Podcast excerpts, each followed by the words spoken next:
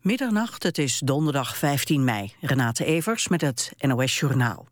De Europa League is gewonnen door Sevilla. In de finale in Turijn versloegen de Spanjaarden het Portugese Benfica met 4-2 na strafschoppen. Die waren nodig omdat het na 90 minuten en de verlenging nog 0-0 stond.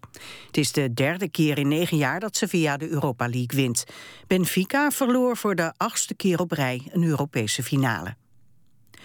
Het kabinet beperkt de verkoop van vuurwerk. Het mag alleen nog op 30 en 31 december. Afsteken mag pas op Oudejaarsdag om 6 uur s avonds en niet meer al om 10 uur s ochtends. De eindtijd blijft 2 uur s'nachts. In Turkije is in verschillende steden gedemonstreerd uit woede over de mijnramp. Het dodental staat nu op 274, de ergste mijnramp uit de Turkse geschiedenis. De betogers verwijten de regering dat ze niet genoeg heeft gedaan om de mijnen veiliger te maken. In Ankara en in Soma, waar de rampmijn ligt, gebruikte de politie traangas en een waterkanon om betogers te verdrijven. Nigeria is niet van plan om gevangen genomen strijders van Boko Haram te ruilen tegen ontvoerde meisjes. Dat heeft president Goodluck Jonathan gezegd tegen een Britse politicus. Boko Haram eist in ruil voor de meer dan 200 ontvoerde meisjes vrijlating van vastzittende Boko Haram-strijders. Gisteren zei een Nigeriaanse minister nog dat er met de regering wel te praten viel over een ruil. Het dodelijke MERS-virus staat op de lijst van A-ziekten. Dat schrijft minister Schippers aan de Tweede Kamer. Het betekent onder meer dat mensen die ermee besmet zijn... in strikte isolatie kunnen worden gehouden. Dat geldt ook voor de patiënt die sinds vanochtend is opgenomen... in een Haag ziekenhuis. Zijn toestand is stabiel. Het weer, vannacht opklaringen, temperatuur kan dalen tot 3 graden. Overdag flinke periode met zon, in het noordoosten en oosten meer wolken... en het wordt 14 tot 17 graden. De dagen daarna loopt de temperatuur op. Dit was het NOS Journaal. Radio 1. VPRO. Nooit meer slapen.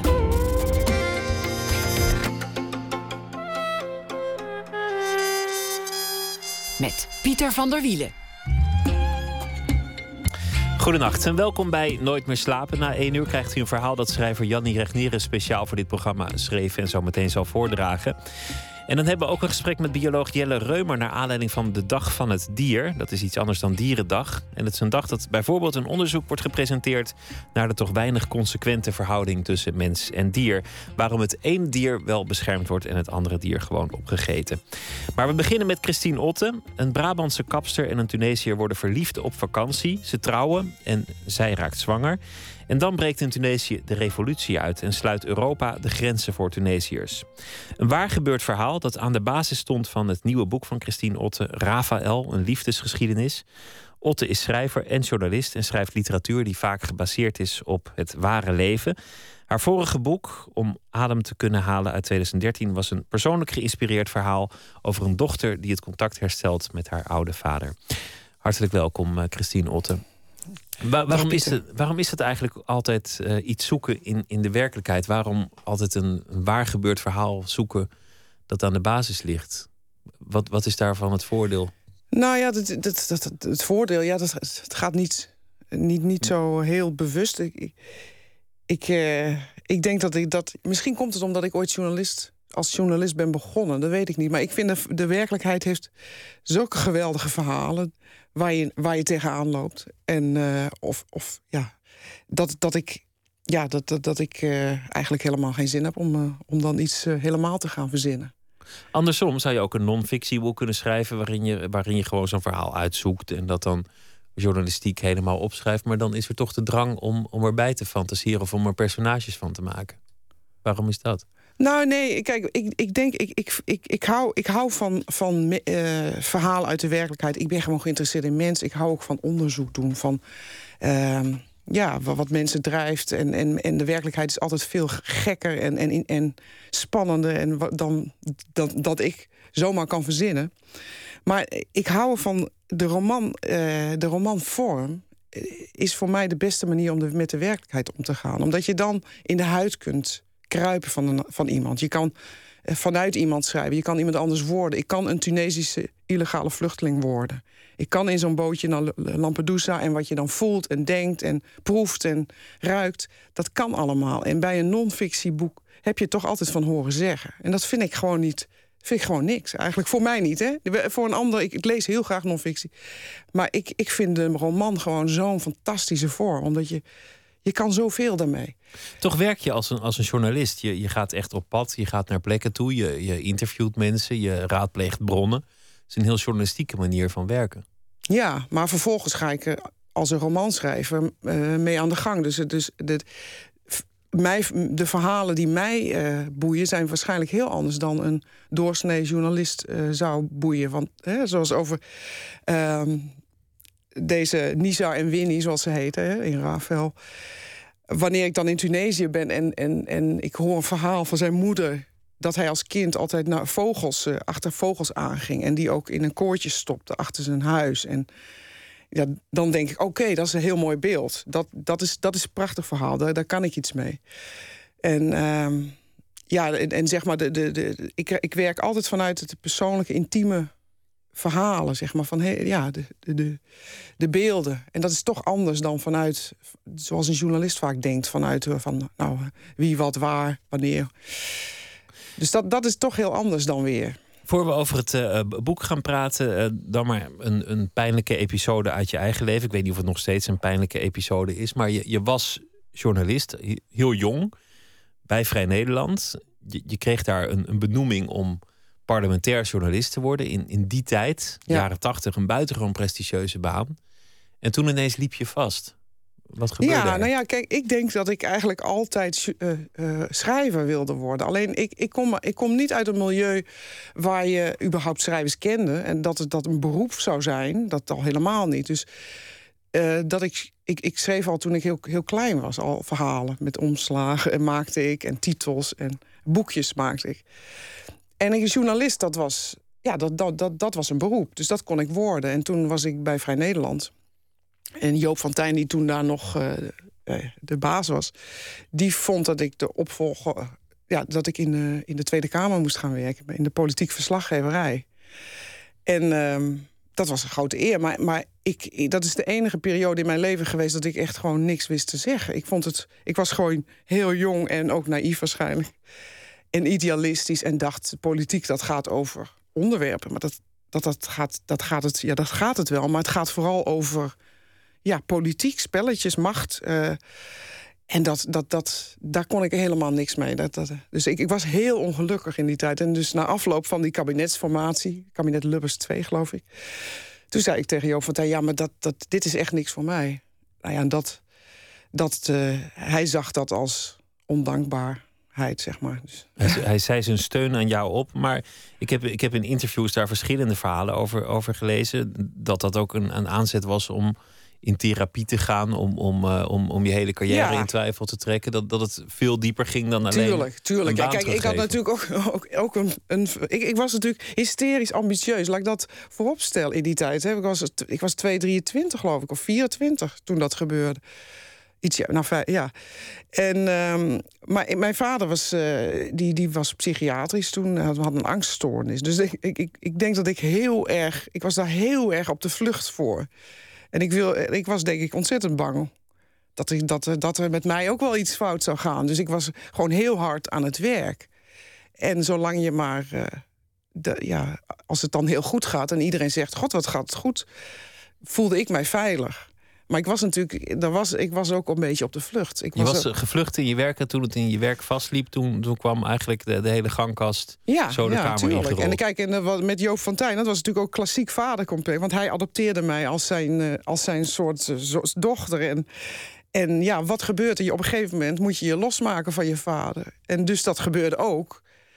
En ik begrijp ook wel dat hij dat vervelend vindt. Nu, hè, nu ik zelf ouder ben, dat dat ingewikkeld was. Dat, dat, ik heb daar natuurlijk zelf een rol in gespeeld. Ik was niet... Oh, wat mooi dat je het ooit ook zo Freudiaans duidt. Dat, nou ja, dat... denk ik nu. Dat, dat denk ik zeker. Absoluut. Je, wat, wat, want ja, ik denk dat... het dat nou ja...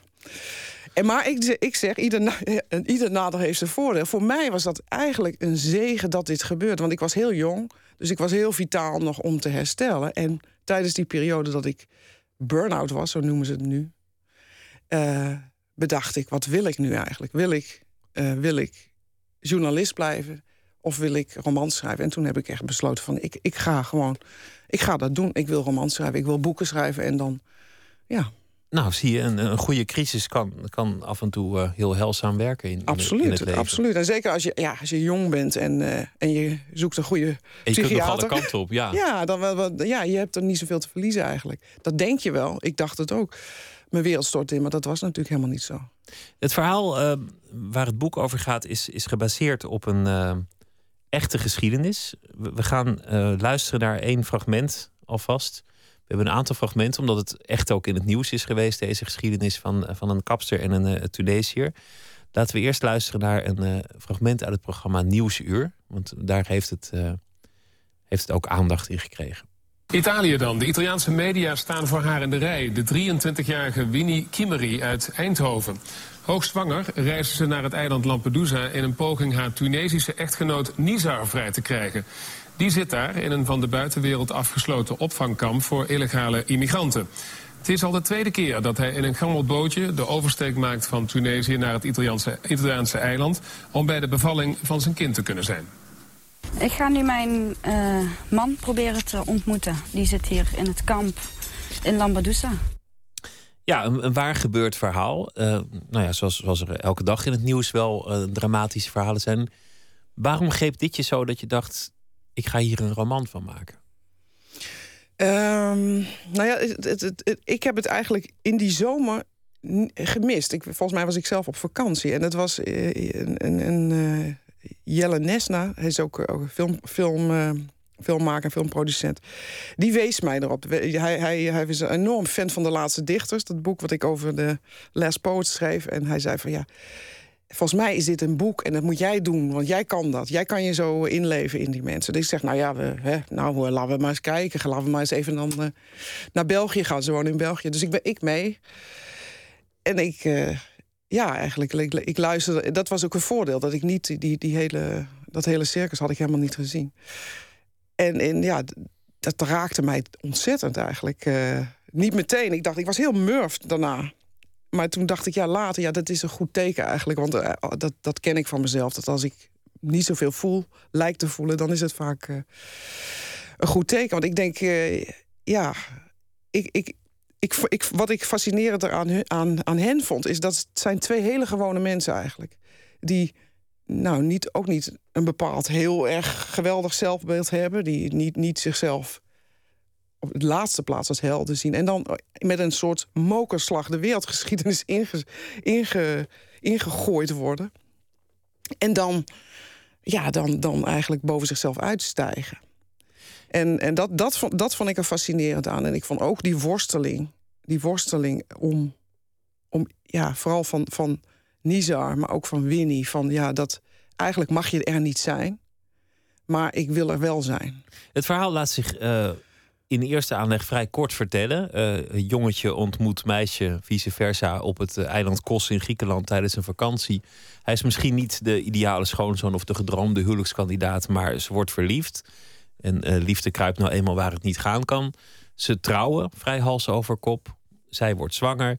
Dan breekt die opstand uit in Tunesië en hij kan eigenlijk niet meer zo makkelijk naar Europa komen. Getrouwd of niet getrouwd? Nee, ja, nee hij mag helemaal niet Europa in, want de grens is dicht. Er komen, komen heel veel Noord-Afrikanen.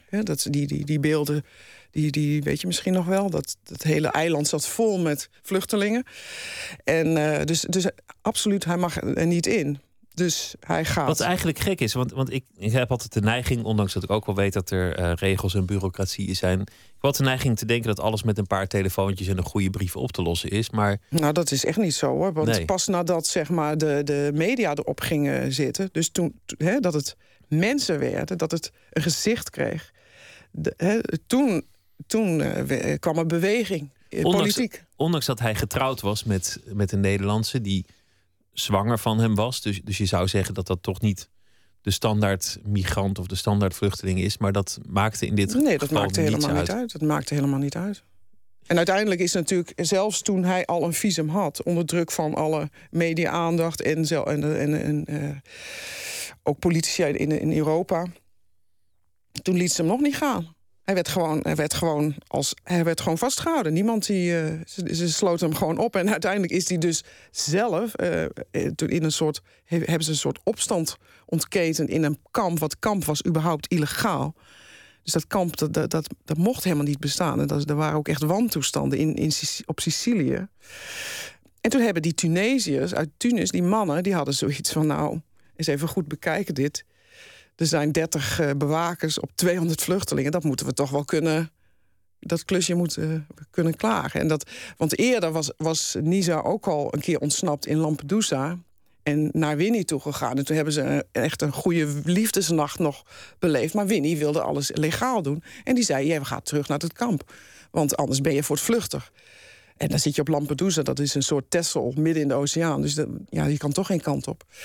Maar toen in Sicilië, toen had Nisa zijn lesje geleerd. En toen Winnie stortte daarin, die kreeg weeën.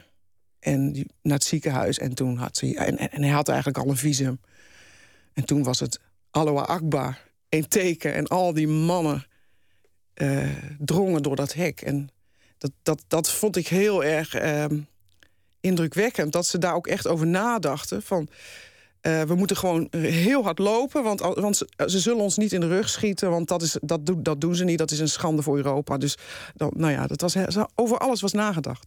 Het leuke is dat het, uh, je noemt de liefdesgeschiedenis. Dat is het ook echt. Je, je hoorde net uh, Twan Huis het aankondigen in Nieuwsuur. je hoorde in zijn, zijn aankondiging al een beetje de romantiek doorcijpelen van een, een man die alles doet om bij zijn, zijn vrouw te zijn. Dat, dat geeft een ander gezicht aan een gebeurtenis die eigenlijk elke dag wel in de krant staat. Ja, Vluchtelingen ja, ja, op Lampedusa, illegale in kampen. Ja, dat, dat was ook een van de redenen waarom ik, waarom ik het echt wilde maken. Um, want ja, dat is, het is eigenlijk een soort ontmenselijking, vind ik. Wat, als je die berichten leest, hè, het zijn of getallen of het zijn zielige mensen, vluchtelingen. Hè, of, dat vind ik net zo ontmenselijk, hè, de, ontmenselijkend als je medelijden met uh, die, al die zielige verhalen, zeg maar. Met die anonymie, uh, of hoe je het ook noemt, anonieme mensen. Ja, die, of niet eens anoniem, maar dat, dat je, je verliest je waardigheid of zo. Dat je, vind ik, als je dan met die, die zakken en, en die beelden en dan in dat kamp en dan vertellen en dan hoe, hoe nader, hoe beter. Hè? De journalisten pakken die verhalen op. Terwijl ik ook ik, ik vind dat gewoon denigrerend ook. Ik bedoel, dat is zo iemand als Nizar is ook natuurlijk gewoon de, de vitaliteit spat er vanaf. Die loopt 32 kilometer in de nacht naar zijn vrouw hard. Het leuke eigenlijk aan, aan hem als personage is dat het ook weer niet een romantische held met een doos bonbons en, en een nee, roze is. Het is. Het is ook gewoon een boef. Ja, absoluut. Want hij, hij, hij doet ook alles om te overleven. Hij heeft, want hij was natuurlijk. Toen Winnie hem leerde kennen, was hij illegaal. In Griekenland werkte hij al zeven jaar. Dus hij, hij was al eerder naar Lampedusa, uh, via Lampedusa naar uh, Italië gekomen. Had in de tomaten gewerkt. Nou, dat was helemaal een ramp. Ging achter in een truck in drie dagen uh, naar Kos. Bijna omgekomen, omdat hij alleen maar een fles water had. Geen, niet genoeg lucht, dus bijna dood. Komt daar aan. En werkt daar. Maar toen, toen in die tijd in, in Italië, dat vertelde hij ook. Ja, wij beroofden gewoon toeristen, want we hadden niks. Dus we moesten wel. Dus de een die ging dan een uh, om een vuurtje vragen of zo. De ander pakte, pakte de camera af of geld. En als het, als het niet. Uh, als het nodig was, dan sloegen ze gewoon erop. De, de ouders van. van Maar ja, dat, dat, dat, maakt het voor mij wel interessanter als schrijver. Ik bedoel, ik ben niet zo geïnteresseerd in een, in een, in een, in een romantische komedie. Nee, dat al niet. En ook niet in een politiek correcte uh, verhaal over vluchtelingen. Want dat vind ik ook heel, heel, heel, helemaal niet interessant. Ik wil wel dat het zijn mensen. Uh, nou, als jij en ik. Snap je? Uh, Nisa en Winnie. Dus ik vind dat heel herkenbaar. Ik bedoel, Haar ouders zaten niet echt op hem te wachten. konden niet echt delen in het, in het geluk van het, van het jonge koppel. We luisteren naar de moeder om een beetje ook de sfeer te krijgen. Ik heb en als je dan ziet dat, dat ze met Skype met de laptop op het dak staat... en dat de tanks voorbij rijden over de straat... nog geen 200, 300 meter van het huis af... en wij zien al die verschrikkelijke beelden op televisie... en dan krijg je ook nog een telefoontje dat ze dus inmiddels zwanger was... ja, dan ga je toch wel zoiets hebben van... nou, alsjeblieft, kom daar gewoon van weg... ja, voor die, voor die ouders, eerst kom je thuis met een Tunesiër, dan besluit je naar Tunesië te gaan, breekt daar een opstand uit. En dan, dat, dat was natuurlijk de ene horrorgeschiedenis na de ander voor die ouders. Ja, dat denk ik ook. Ja, dat, dat was ook zo natuurlijk. Die, die, weet je, weet je dat of heb je dat in nee, het, nee, in nee, het ik heb, verhaal? ik, heb ze, ik heb met ze gepraat natuurlijk. Ja, nee, tuurlijk. Dat, die, die kregen de schok van hun leven. Maar eh, wat ik dan wel weer heel bijzonder vind... is dat deze mensen, eh, de, Winnie en Nisa... het echt tot in het uiterste steunden. Met geld, met alles. Die moeder die eigenlijk nooit alleen op reis ging... die ging in haar eentje naar Rome, naar de ambassade... om, om die, dat visum voor elkaar te krijgen. Ik denk, ja, dat, dat, dat, dat doen ze toch maar even. Hè? Dat, uh, ik, ik vind dat tamelijk indrukwekkend. Hoe is het afgelopen? Mag, mag ik dat vragen? Of zeg je van nou ja, dat, dan, dan, met, dan met gewoon, met, met, zijn ze uiteindelijk nog steeds bij elkaar? Ja, ze zijn nog steeds bij elkaar. En, uh, nou, dat, dat, dat, dat, dat staat ook wel in het boek. Hè? Dat, uh, een, uh, in bepaalde fragmentjes zijn vanuit de Rafael geschreven. En, de liefdesbaby. Ja, de liefdesbaby. En uh, op een gegeven moment zegt, Nien, zegt Winnie van... Uh, wanneer wordt ons leven nou eens normaal? En dan zegt Nisa van ja... Uh, je, je, je, moet niet, je moet ophouden met wachten. Hè? Dit, is, dit is wat het is. Dit, zo, hè? dit is het normale leven. En, ehm, en dat, is ook, dat is ook prima. Nee, zij, zij werkt in de bloemen, in een bloemenzaak. En hij heeft een opleiding tot in de bouw. Dus hij probeert daar werk te krijgen en werkt in de weekend in een restaurant. Je, je hebt je laten inspireren bij dit boek door Nick Cave. Ja, dat, klopt. dat, dat schrijf je ook in het, uh, in het nawoord van, van Nick Cave was belangrijk. Waarom was dat liedje van Nick Cave zo belangrijk? Nou, niet het liedje, dat laatste album, Push the Sky Away. Zelfs een hoofdstuk heb ik de titel daarvan uh, genomen. Om, ja, ik, ik, ik, de, de, muziek van, van Cave, die heeft, en zeker dat album, die heeft die mengeling van ontzettende hartstocht en liefde en verlangen naar schoonheid, maar ook die donkerte en de moeilijkheid. En dat, ik, ja, dat op de een of andere manier uh, ook, ook, ook het, het, het geluid. Dus het gaat ook heel veel over de zee. En ik, bij het hoofdstuk over die tocht van Swax naar Lampedusa heb ik heb ik echt gewoon een nummer, de Higgs Bolson Blues van, van uh, Cave. Heb, ik wilde echt die korte en lange zinnen. Ik wilde die golven in de taal, zodat je, kon, dat je het voelt. En toen ik dat hoofdstuk af had, was ik ook helemaal misselijk. Ik denk, wat is het toch? Waarom ben ik toch misselijk? Maar ik was gewoon een beetje zeeziek. En in de muziek hoor je dat. Ik hoor dat. En, uh, dus, en ik dan, dan, die sfeer die pak ik, pak ik dan en dan, dan pak ik gewoon woorden en dan, dan kan ik weer verder. We hebben een, uh, een ander nummer gekozen dan de Higgs Boson Blues. Dat is een nummer dat heet uh, toepasselijk bij het nachtelijk tijdstip en, en alles. Come into my sleep.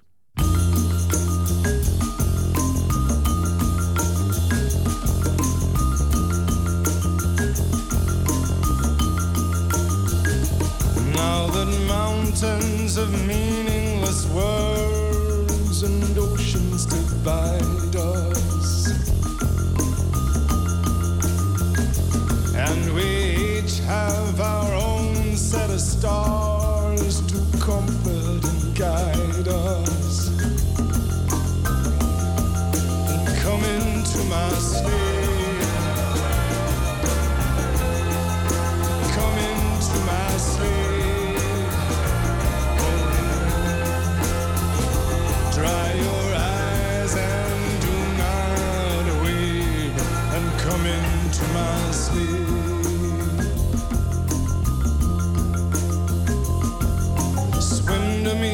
the deep blue sea upon the scattered stars set sail.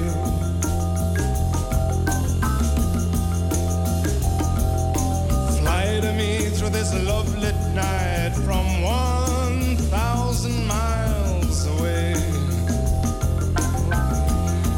And come into my sleep.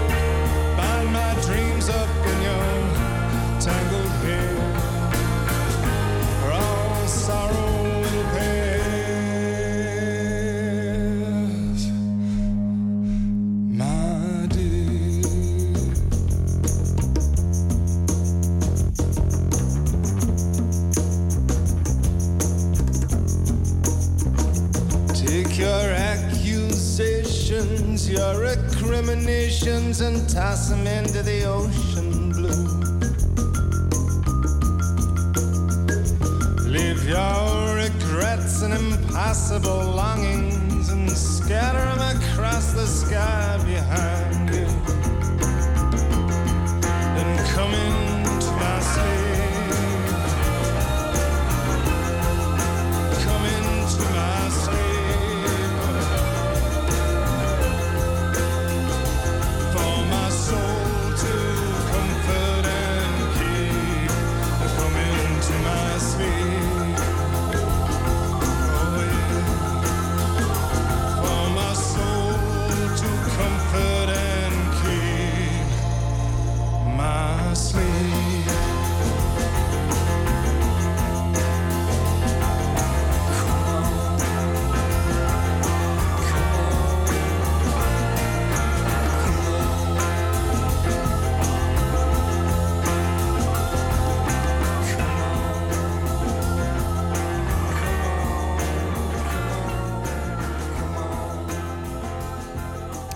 In de tijd van de singeltjes heette dat dan een B-kantje. Dat was de, de kant van het singeltje die niemand ooit eh, draaide.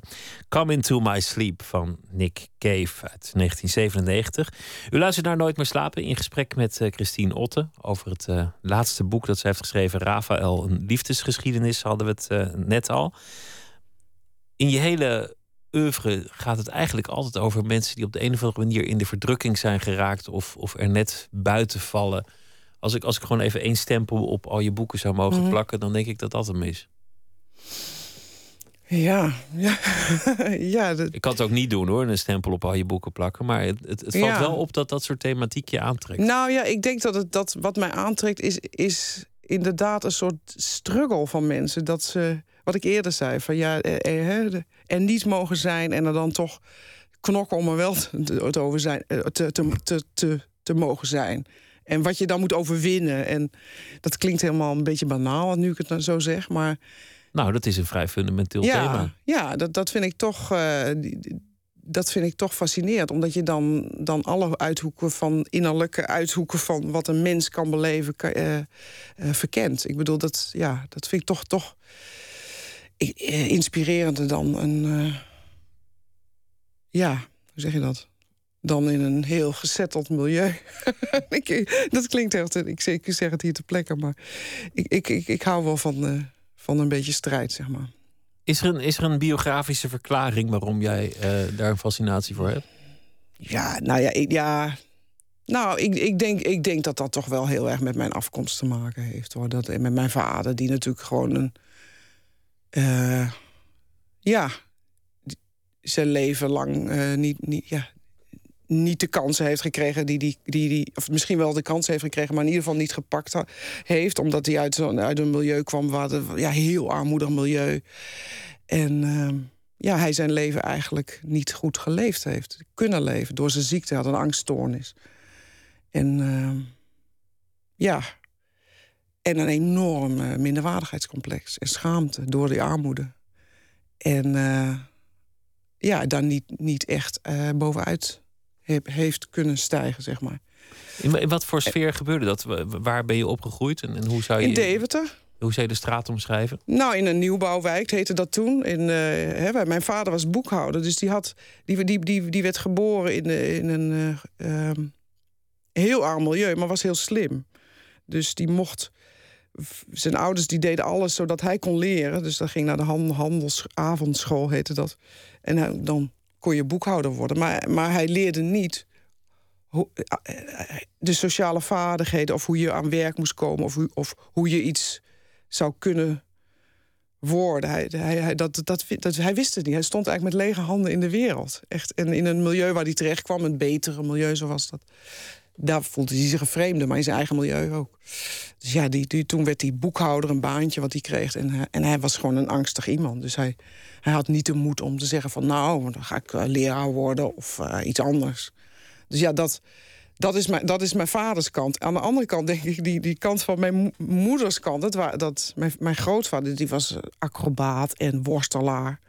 En eh, dat was echt iemand met, die in de oorlog met wapens liep... en mensen hielp en eh bij bombardementen... nou ja, dan, eh, dan mensen gingen... doden ging bergen en mensen helpen. Dus ja, dat... Op de, ik denk dat dat, dat dat vormt je toch, denk ik. ik eh, op de een of andere manier. Je afkomst, ja, natuurlijk. Ja, nou ja, in ieder geval, ja. En, en ja, dat denk ik zeker. En, en, en, en En wat, wat deed het met, je- met je vader om dan ja, tegen alle dromen in boekhouder te zijn? En nou ja, hij ging daar doen? gewoon kapot aan, zeg maar. Ja. En, eh, waarin, waarin uitte zich dat? Dat, dat hij en kapot dat hij ziek werd. Hij werd gewoon ziek. Hij, hij, hij werd, eh, Psychisch ziek ook. ja, dus eh, ja, een zware angststoornis. Een hypochondrisch, dus angst voor ziektes en dood. En, eh, en, en bij tijden ook wel eh, psychose-achtig. Dus ja, in psychiatrische inrichtingen. Dus echt een, ja, als je echt bevroren van angst, zo. Jij sloeg op de vlucht, je ging de journalistiek in, je werd, Ja. werd ambitieus, je, je, je zette het op een werken tot je vastliep. Ja, En, en na therapie besloot ik, ik moet het anders doen in mijn leven, ik ga schrijven. ja. Maar dat ene gedeelte, dat bleef eigenlijk liggen. Nou ja, namelijk- weet je, er gebeurt natuurlijk iets als je als kind opgroeit met een psychiatrische vader. Hè, dan gaat iets helemaal eh, ik, ik- ik- verkeerd. Want, want je wordt dan de, de, de ouder, de rol ouder va- kind, draait, dat draait zich om. Dus ik, eh, op mijn veertiende, hield me bezig met zware psychiatrische, psychologische problemen. En ik dacht, eh, nou ja, dat ik mijn vader kon redden. En dagelijks had ik eh, zorgen van, nou, ik hoop niet dat hij zich vandaag ophangt of iets doet. Dus dat. En dan aan de ene kant ben je dan heel voorlijk, maar aan de andere kant ben je natuurlijk is een hele onveilige situatie. Dus van binnen was ik een baby, eigenlijk niet. eh, hoe zeg je dat? Eh, helemaal, ja. Een soort, ja.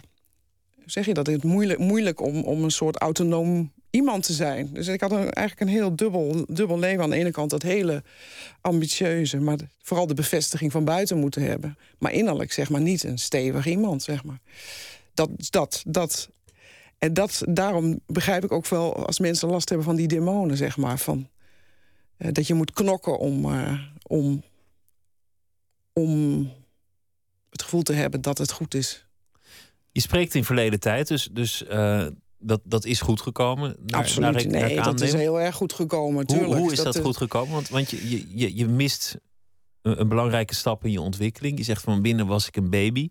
Nou ja, even gechargeerd, maar wel. Nou ja. ja. nou niet, niet een. eh, Ja, je, je voelt je. Je voelt je. Nee, ja, dat, dat, dat, dat is. eh, nou ja, een van de dingen was natuurlijk dat ik op mijn 25ste instortte en een goede psychiater heb gezocht. En, en, en ik heb natuurlijk gezien hoe, hoe je leven eh, kunt verspillen bij mijn, bij mijn vader. Dat, eh, dus ik had zoiets van: oké, moet ik een psychiater hebben? Dan doe ik dat en dan zoek ik een goede.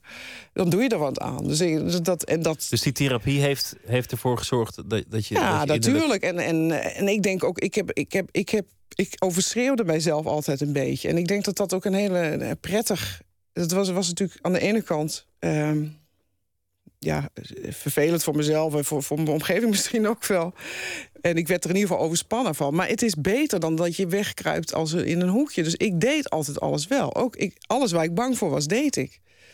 En dan stierf ik wel duizend doden, maar ik, ik deed het wel. En, en dat geeft natuurlijk, dat geeft je heel veel. Want uiteindelijk bewijs je natuurlijk dat je jezelf, dat, dat, dat er niet zoveel gebeurt. Dat Is, is, dat, is dat belangrijk om je angsten te overwinnen? Ja, vind, vind ik wel. Ja, nou, het is natuurlijk nog, nog belangrijker dat je langzamerhand... En ik bedoel, ik heb een goede partner gevonden. Iemand die me echt heel erg begrijpt. En, en, waar, en, en waar ik me heel erg veilig voel. Dus dat, dat, dat, dat helpt allemaal. Maar ik denk wel, als je ja, ja, door je angsten heen de dingen doet... dat is een ontzettende kick, geeft dat. wil niet zeggen dat je daarmee die angsten kwijt bent. Voor altijd, want dat is helemaal niet zo. Maar het helpt wel.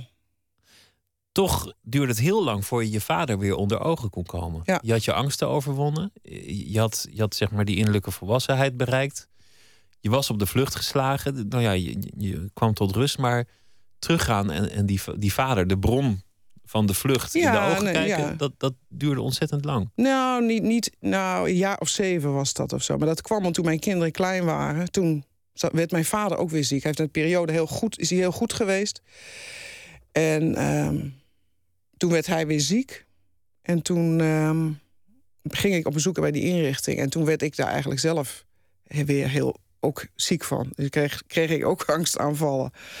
En toen, toen dacht ik, ja, ik wil niet dat mijn kinderen daar ook weer last van krijgen. Dus ik ga nu niet meer daar even een tijdje heen. En dat wil niet zeggen dat ik.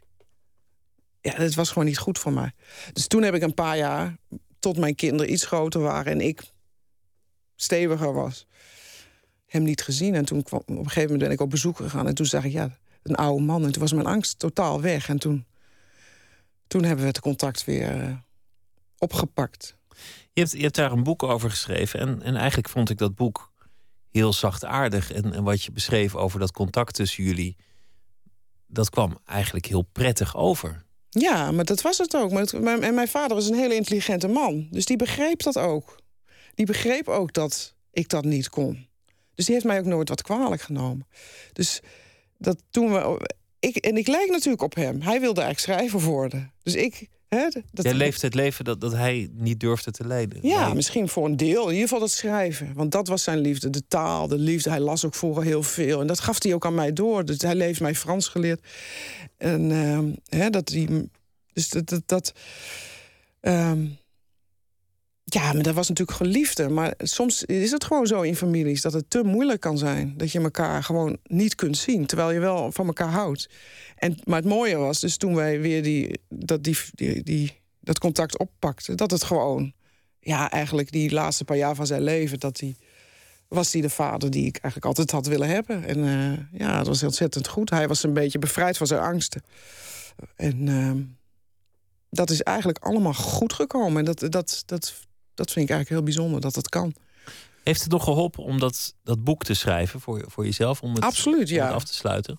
Absoluut, ja, dat was inderdaad een soort afsluiting. En om dat, is allemaal, om dat goed op te schrijven, van wat doet dat nou? Hè? Wat, wat bete- Ehm, dat is heel, heel, heel, heel heilzaam. Maar dat was helemaal niet mijn opzet. Om een, ik bedoel, ik wilde helemaal geen therapeutisch boek schrijven. Ik wilde gewoon een mooi boek schrijven. Maar het hielp ook gek genoeg dat heel veel mensen dat boek heel mooi vonden. En, en zeiden, oh, dat gaat over mij. Dat, ja, nou, dat herken ik helemaal. En dat had ik helemaal niet gedacht. Want ik denk, mensen gaan mij heel raar vinden. Maar dat was tegenovergestelde, was waar. Dus dat, dat, dat gaf, dat, dat is ontzettend heilzaam. Want ik ging dan lezingen en dan, dan praten we daarover. En dan, Maar je spaart jezelf niet, want, want hij nee, staat, nee, nee. Dat hij moet je staat dan heel ook niet aardig doen. met, met een fles champagne op de stoep. En jij zegt, ik, ik wil je niet zien, ik wil dat je weggaat. En hij zegt, wat doe ik dan verkeerd? Waarin ben ik geen goede vader? En jij zegt, nou, dat kan ik je niet uitleggen, dat weet ik niet, maar ik wil dat je weggaat. Ja. Dat, dan spaar je jezelf niet als je dat... Dat opschrijft. Nee, maar ik denk, ik had toen wel bij dat boek dat dacht van ja, als je dat dan opschrijft, dan moet je dat ook, eh, moet je ook all the way gaan. Want anders is het. Anders wordt het ook geen goed boek. Nee, daarom. Je moet juist. Een boek is, wordt goed als het schuurt, als het, als het pijnlijk is, als, je, als er schaamte bij komt, als het eigenlijk te erg is. En dat, en dat eh, zonder eh, dat het in your face is. Want dat vind ik vreselijk. Want hè, ik, ik, ik heb de scènes, denk ik, in dat boek waar het echt, echt heftig emotioneel was. Daar heb ik geprobeerd om het zo. De, de, de, de emotie een beetje eruit te schrijven, zodat de lezer die emotie kan voelen en niet opgedrongen krijgt. En dat is denk ik wel heel belangrijk, want anders, ja, tenminste, dat vind ik dan mooier. Ik begon over je vader omdat ik eh, nieuwsgierig was naar, naar waarom de, de verdrukten of, of de ja, mensen die, op, die aan de rand van de samenleving komen te staan of die op de een of andere manier tegen het systeem strijden, waarom dat zo je fascinatie heeft. Je zei ja, dat komt, dat komt door mijn eigen achtergrond, die buurt in, in Deventer. Wat was dat in, in politieke zin voor, voor buurt? Waren mensen daar heel geëngageerd? Nou, ik was, ben natuurlijk opgegroeid in de jaren zeventig. En dat was een, een, een unieke periode in de geschiedenis volgens mij. Want in mijn omgeving was iedereen links. Dat is echt raar. De meeste rechts was de Partij van de Arbeid. Ik zat op een lagere school in een nieuwbouwwijk... en daar waren de leraren waren allemaal uitgesproken links. En dat, die wijk was heel tolerant. Dus mijn broer die oefende op, boven op zolder keihard muziek. Velvet Underground speelde, dat soort muziek. Niemand die klaagde. Dat was heel gewoon, want die jongen die had toch een band. Leuk. Wietplanten stonden bij ons in de, in de tuin. Niemand die er iets van zei. Dat was gewoon een hele rare tijd eigenlijk. Want als je, nu, nu is waarschijnlijk iedereen in, in, eh, in moeilijke wijken of, of in. in eh, ja, maar dat was geen moeilijke wijk. Dat was eh, juist een, een, een, een wijk met toekomst. Want wij, mijn vader was, had, was juist, doordat hij wel had geleerd... waren wij naar die middenklasse zeg maar, gegaan. Maar Dus- ook, ook in de nieuwbouwwijk. Ik vermoed dat, dat wat vroeger links was, dat, dan zo'n hele Nee, buurt oh links ja, was, nee, dat, is nu rechts. Nee, ja, precies, dat is het tegenovergestelde. Ja, absoluut. Nee, da- daarom. Het is natuurlijk ook een, een unieke periode. Dat, dat vooruitgangsgevoel van de, hè, de, alles kan en je kan alles worden. Wij, hè, wij waren de eerste. Ik was de eerste van, van, van mijn familie die ging studeren mijn met mijn broer. Dat, eh, ja, dat is natuurlijk een heel ander elan. Ik persoonlijk was toen niet zo happy in die tijd. Maar eigenlijk, als ik terugkijk, was het een hele goede tijd op school.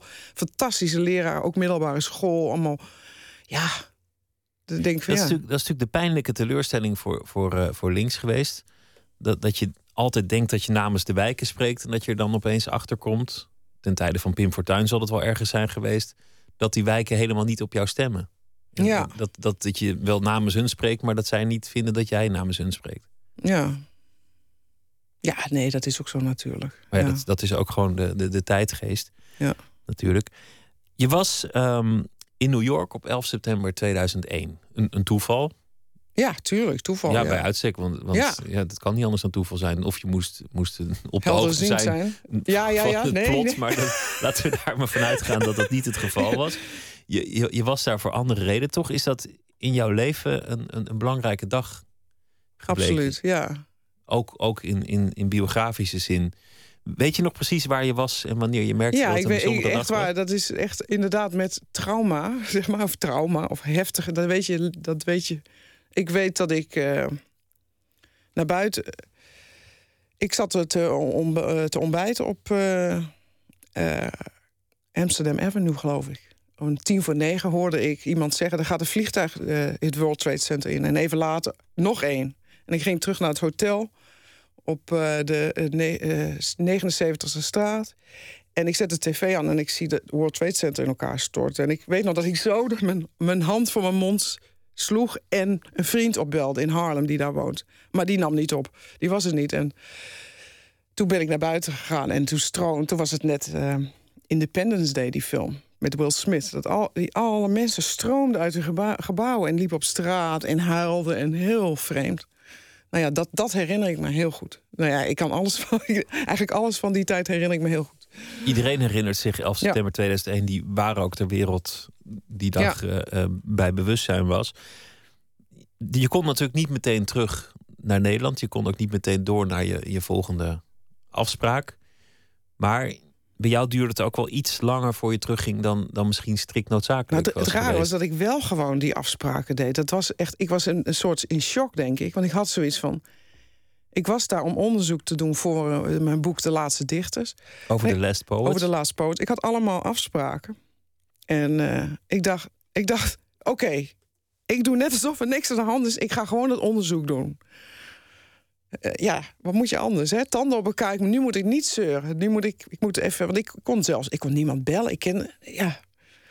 Dus ik ging ook een dag later gewoon op, naar New Jersey, onder het World Trade Center door met de, met de metro. En allemaal, en allemaal mensen met militairen en met mondkapjes. En ik ging naar een afspraak in ehm, Far Rockaway, in, in zo'n eh, zwarte projects.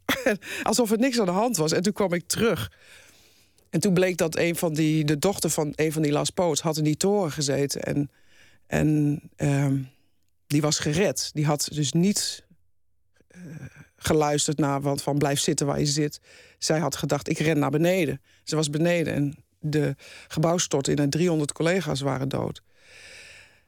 En dus haar vader, die, met die, ja, een vriend van mij, die, met wie ik ja, naar hem deed ik onderzoek. Die belde mij op van ja, je moet mijn dochter bellen. En hij was ook in shock. Hij zei niet wat er was. Dus ik, en toen belde ik die dochter en toen hoorde ik dat. Nou ja, toen, toen drong het bij mij ook door wat er wat er echt aan de hand was. Dat, ja, maar dat is menselijke psyche is heel raar dan.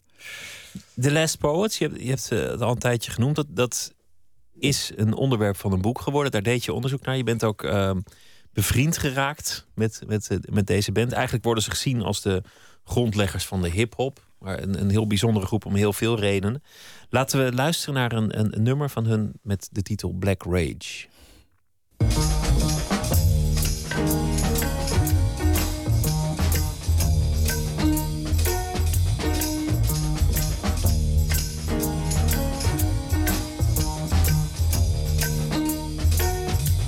Grenades in their eyes,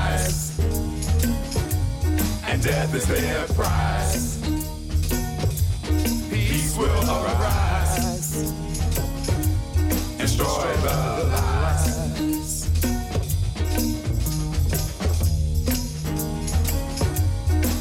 There are bombs standing on the corners of the cities, waiting to explode at the slightest touch. Baggy shadow street boys stand cocked, ready to fire. Their eyes are grenades, and the pin is about to be pulled. Boom! The brother went off. Pressure pulled the trigger, and the brother became a nigger, and no one could figure out how it happened. What went wrong? Grenades in their eyes. Death is their prize. Peace will arise. Destroy the lies.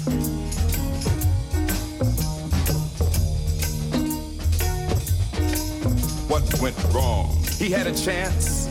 Somebody even loved him, even told him that he was better than most. But he went off. Chains rattled inside his brain, and his sky was filled with clouds that didn't even bring rain, but just the illusion that something was coming. So he became a gun that he could hide in a jacket and make believe he had an erection all the time. He could penetrate anything. His tongue was a curse. His attitude was a bullet. And he'd shoot you down without a second thought. Grenades in their eyes. Death is their prize. Peace will, arise. Destroy the lies. He became G.I. Joe, killing his family, not the enemy. A human gun, made and manufactured in the United Snakes of America. There are bombs standing on the corners of the cities, waiting to explode at the slightest touch. Baggy shadow street boys stand cocked. The Last Poets, Black Rage. Je hebt daar een, eh, een boek over geschreven. De laatste dichters. Christine Otte heb ik het tegen. Dit is eh, Nooit meer slapen, voor wie net eh, in de auto stapte of wat dan ook. Die band is opgericht naar aanleiding van de verjaardag van Malcolm X in 1968. Een beetje de soundtrack van, van de Black Power. Ook hier geldt eigenlijk een tegenbeweging die, die je hebt geschetst. Weer, weer dat onderwerp van, van, die, van die mensen in verdrukking. Ja, maar dat, dat, dat, dat ik dat boek ging doen, dat had echt, dat eh, ging maken, dat had echt eh, te maken met, met de persoonlijke klik, zeg maar. En de persoonlijke verhalen die mij, mij aangrepen. Maar het, was, het, was, het is natuurlijk gewoon echt een, beeld, een tijdsbeeld uiteindelijk inderdaad geworden van, eh, van, een, van een tegenbeweging, inderdaad. Maar, We hebben het, we hebben het gehad over eh, ehm, angsten, over mensen in de, in de verdrukking. We hebben het indirect gehad over terreur. Radicale bewegingen van- vanwege eh, Al-Qaeda natuurlijk, maar ook Black Power. Dat, dat was ook een, een radicale beweging. Je hebt ook nog eh, een boek geschreven over hoe je zelf eigenlijk, of althans jouw geliefde in, in de verdachte bank kwam te zitten als zijnde een, een lid van Rara. ja, maar dat was wel ook echt een roman. Ik bedoel, Een echte roman, maar wel ja, op, op gebaseerd. Ja, maar ja, ja, ja, daar heb ik gebaseerd. gebaseerd. Ja, en ik heb ook onderzoek voor gedaan. Dus ook, ik heb- ben ook naar eh, het OM en zo, de alle betrokkenen van eh, die, die, eh, die toen eh, bij ons 's ochtends om vijf uur op de stoep kwamen om huiszoeking te doen. Die heb ik opgezocht, zeg maar, na dato. En, en, eh, Het is, het is eigenlijk voor, voor in die tijd een vrij breed gedocumenteerde eh, affaire geweest. Een aantal journalisten werd Ja. ineens verdacht van betrokkenheid bij Rara, omdat ze eigenlijk ook niet zo goed wisten wie er nou wel of niet mee te maken Ja. had. En daar zijn invallen ge- gepleegd Ja. en onderzoek naar gedaan. Ja.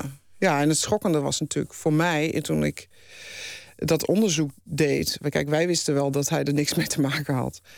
Maar eh, dat wisten zij dus ook. En dat, en dat eh, toen. Dat. dat eh, maar ja, dat je dan doelbewust gewoon toch dat doet. Dus dat bij mensen binnenvalt en eh, af, ja, en ze ver- zeg maar ze ver- vervolgt. Of hoe zeg je dat? Nou ja, achtervolgt. Onders- onderzoek instelt. Ja, zou ik- ja, nou ja, inderdaad. Je, je- toch, toch je leven behoorlijk verziekt. Want eh, hè, als er met grote koppen in de Telegraaf staat... van betrokken bij RARA... ja, nou, ga dan maar uitleggen van... ja, maar daar heb ik niks mee te maken. Dat, is, dat, dat zijn hele, hele nare, nare situaties. Je schrijft in, in dat boek over, over de nasleep daarvan. Ja, het gaat over, gaat over een echtpaar. Dat, dat, is, dat, is nou, dat is nou echt wel fictie hoor. Want, want dat, dat, het gaat, eh, wij hebben dat heel erg goed gedaan. Maar ik wil. eh, Ik, had daar nooit. Ik had dat, die zaak toen helemaal verdrongen. Omdat mijn, mijn, mijn baby was geboren. Ik was toen zwanger. Die hele, mijn hele zwangerschap was vergald door justitie, zeg maar. Dus toen mijn baby was geboren, was dat ook zo'n beetje afgelopen. En oké, werd gerehabiliteerd en alles. Geld, bedrag. Dus ik heb dat toen weggestopt. Van, dat was zo'n verschrikkelijke nachtmerrie. Maar op een gegeven moment, ik ben natuurlijk wel romanschrijver. En dan praat je daarover. Dus dan zegt, eh, ja, zeggen mensen, ja, maar je, daar moet je over schrijven. En toen dacht ik, ja, dat, dat, dat, dat, dat is ook, dat, dat moet ik ook doen. En dat was eigenlijk ook heel, was echt heel goed. Omdat daar zat het, dat je dat gewoon... Het is ons intens bevredigend dat je van hele nare ervaringen iets goeds kan maken. Dat vind ik gewoon een summum van, van kunst. Dat dat ten eerste. eh, je, je, je, je, je, je, bewaart het, je, je doet er iets mee, hè, je, je documenteert het. En ten tweede maak je er een roman van, waarin je. Ja, wat er gewoon een mooi kunstwerk is, waar het iets, iets, iets goeds wordt. En waarin ook duidelijk werd natuurlijk uiteindelijk hoe, hoe dat werkte. Ik liet het trouwens in het midden in mijn, in mijn roman... of die man het nou wel of niet gedaan had. Dat vond ik spannender voor een roman. Einde. Maar in, in het echt was je er In helemaal het- van overtuigd dat hij Ja, er niks mee te maken Nee, had. En, en, Niet, niet alleen voor overtuigd, dat weet ik. en het is ook voor, voor de duidelijkheid, is ook door het OM, eh, zij niet, niet heel erg hard schreeuwend wellicht. Nee, nee, maar, nee. In die tijd deden ze geen excuses, maar dat is maar gewoon... ze hebben gewoon toegegeven dat er niks was en dat er niks aan de hand was. Ja, en dat eh, natuurlijk. En, en, de, en de betrokkenen mensen die, die, die, die, die toen ik onderzoek deed, die zaten met grote schuldgevoelens. Dus toen ik daarvoor de, daar kwam, bijna mij om vergiffenis. Me, zo van. Wat ik er mooi aan vind, en dat geldt eigenlijk ook voor, eh, voor het boek Rafael, is dat die nieuwskaravaan die, die trekt door. En elke Ja. dag eh, is er een nieuw verhaal en zijn er nieuwe mensen. En dit is relatief een klein verhaal. Journalist verdacht van betrokkenheid bij Rara. Nou ja, dat duurt een paar weken. En, eh, Nee, maar oh dan- nee, toch nee, niet. En, ja. dan, en dan is het verhaal voorbij. En, dat, en het is niet voorbij in die levens. Het is niet voorbij voor de mensen Nee. die het overkomt. Nee, dat is, dat is natuurlijk gewoon een. een je zag het bij Lucia de B, dat extreem, die iemand die zes, zes jaar eh, in de gevangenis zat. Dit gebeurt natuurlijk. Dit ge- hè, het is trouwens veel meer, veel meer eh, aandacht voor die misstanden. En dat vind ik heel erg goed. En de mensen krijgen nu ook veel betere schadevergoedingen. Wij krijgen echt een fooi, zeg maar. Heeft het jou veranderd als schrijver, eh, journalist, dat je dat zelf van nabij hebt meegemaakt? Om- Omdat je toch ook in zekere zin, eh, zei het als, als schrijver, deel uitmaakt van die karavaan. Die, die voorbij trekt langs al die verhalen. Ja, maar ja, ja, maar ja kijk, dat is het voordeel als je ook als je roman schrijft. Je kan het soort afstand nemen. Je je kan gewoon eh, op een heel eigen manier ergens induiken en, en in de diepte gaan. Zoals, eh, hè, be- ik, hoef me, van- ik hoef me van niemand iets aan te trekken. Ik kan gewoon een jaar lang eh, helemaal in de diepte in een onderwerp. En dat vind ik, dat vind ik het echt het allerfijnst. Dus ik, ik sta daar sowieso al ja, ik had het al een beetje toen ik journalist was, dat ik, dat, dat ik dan heimelijk dacht van... ja, god, morgen is er weer een krant of volgende week is er weer... De, de mensen werden daar woedend van als ik dat zei. Dus ik had nooit echt hele, de juiste mentaliteit voor een journalist, denk ik. Omdat ik eigenlijk altijd geïnteresseerd was in het verhaal achter het verhaal. Eh, en, en, en Omdat het ook menselijker is ja, uiteindelijk. natuurlijk. En, en dat is. Dat, is- dat is, dat is eh, ja, ik, ik, ik vind het, het het meest fascinerende de- hoe op het intiemste niveau van het menselijk leven, zeg maar, de, hoe dat in, in- zich verhoudt met de grotere werkelijkheid. Hoe dat vice versa gaat. Wat, hoe, de gro- grote gebeurtenissen en, en hoe dat dan heel intiem doorspeelt, zeg maar. Wat, ja, dat, dat vind ik interessant. Het gaat vaak over de, over de vraag of je er mag zijn of niet. Als het gaat over, over black power of Ja. als, het- als het gaat over een, een, eh, een migrant. Je zei, het, het heeft heel veel te maken met mijn achtergrond. Eh, misschien ook het gevoel of je er mag zijn. Hè, je, je doet wel mee in de denk wereld, maar hoor je daar wel Ja, te nou zijn op die plek? Ja, ja denk, ik denk dat ik daar, daar ook wel last van heb gehad. Zeg maar dat ik niet zo voor niks zo helemaal hysterisch dat moest bewijzen dat ik, dat, het, dat ik wel heel goed, dat ik toch wel heel goed iets kon of zo. Of dat ik. Terwijl ik niemand, ook- waarschijnlijk niemand ooit tegen je zei van ja, jij hoort hier niet. Nee, natuurlijk niet. Juist niet. Nee, ik heb het waarschijnlijk helemaal ook niet. niemand het nee, natuurlijk niet. Alleen het gaat ook niet om dat ik hetzelfde ben dan zij. Het gaat erom of ik me dat kan voorstellen, of ik me kan identificeren. En dat, ehm, en ik denk ook, dat kan ik gewoon goed. En ik denk dat het ook komt omdat ik als kind van een psychiatrische patiënt, dan leer je echt. Volgens mij word je echt getraind om empathisch te zijn. Want je bent helemaal alle signalen. Moet je voortdurend. eh, leer je gewoon te, te voelen wat er in een ander omgaat. Dus. ehm, maar ik vind, het, ik vind het gewoon honderd keer interessanter om, om, om, zo, om zo iemand als Nizar, zeg maar. Ook wa- wat voor mij nieuw was, van wat doet dat als je, zeg maar, als illegaal werkt en je, je, dan, en, eh, en je woont dan ergens en je hebt een kamer, maar je doet het met spullen van die daar toevallig nog zijn. Maar hoe behoud je je waardigheid? Hoe ben je dan toch een mens? Hoe leef je? Hoe voel je je? Ja, dat. dat en ik, ja, dat, dat vind ik gewoon fascinerend. En vooral ook niet. Ik, ik, ik haat dat als mensen zo zielig, eh, zielig worden weggezet of zo. Dat, dat heb ik ook altijd, vond ik altijd al van de linkse beweging, ook in de arbeidersbeweging. Van als uit een soort slachtoffer heb ik zo'n bloedhekel aan. Ik denk van ja, kom on. Je hebt hem een karakter, een gezicht en, en daarmee ook waardigheid eh, gegeven. Dit is ook bijzonder omdat het eh, boek al verfilmd wordt. Of het is al aangekondigd dat het een film gaat worden. Ja. Voordat het boek er al was. Ja, dat is, Vond, dat- ik opmerkelijk. Ja, Dat is ook, is ook opmerkelijk. Maar dat is, nee, dat maak je ook niet veel. En ik vind dat ook echt, echt heel erg leuk natuurlijk. Ja, dat is natuurlijk gewoon eh, fantastisch. eh, ik hoop dat het allemaal gaat lukken natuurlijk. Want het, moet altijd, het is natuurlijk een kwestie ook van geld. Hè, dat maar het ziet er wel goed uit. En dan wordt het een Europese film. En eh, nou ja, ik, ik vind het gewoon heel belangrijk voor Europa op dit moment dat, dat, dit, dat, dit boek, eh, dat dit boek er is en dat er straks een film is. Dat is gewoon een. En dat ge- gewone mensen, dus net als Winnie. Winnie zegt in het boek: ja, ik had altijd een hekel aan buitenlanders. En, en nou ja, ze leeft dit leven en ze, ja, ze staat heel anders in het le- leven. Dat is, dat is mooi. Dat, eh, ja, dat, niet alleen de mensen die toch wel eh, politiek correct denken, zeg maar, maar ook ja, gewone mensen daar op een goede manier over na kunnen denken. Al je- met al, samenvattend zou, zou ik zeggen: je hebt je, je angsten en demonen overwonnen. Eh, Je hebt je, hebt je weg gevonden in, in je loopbaan na een, een paar hobbels. Je hebt, je hebt je stem gevonden en, en je, je engagement behouden. En eh, wil je er nog iets aan toevoegen? Ik zeg, nou, Eh, nou ja, nou, ja. eh, Nou. Nou ja, dat ik hoop dat mensen van het boek gaan genieten, in ieder geval. En eh, ja, ik, ik eh, droom stiekem alweer van eh, nieuwe plannen natuurlijk. dank dat je te gast wilde zijn. En veel succes met de film. Iets waar je als schrijver altijd Nee, maar ik maak, ik maak maar een buiten moet blijven, toch? Ja, absoluut. Dat, ik, ik maak ook niet het script. Nee, maar dat betekent dat je de première moet doorkomen en zien wat ze ervan gemaakt ja, maar hebben. dat, het En- duurt allemaal nog een tijd. Dus eh, we hebben nu gewoon het boek. het boek. Laat het boek maar eerst zijn eigen leven leiden. En dan- een liefdesgeschiedenis. Christine Otte, dank je wel. Graag En gedaan. een eh, hele goede nacht. En zometeen eh, gaat Nooit meer slapen verder met onder andere een verhaal dat speciaal voor ons geschreven wordt door de schrijver die dat deze week doet, Jannie Regneris. En we gaan het hebben over de verhouding tussen mens en dier. En eh, nog heel veel andere onderwerpen. Twitter, het VPRO NMS of via de mail nooitmeerslapen.vpro.nl. We gaan er even uit voor het nieuws en we zijn zometeen bij je terug.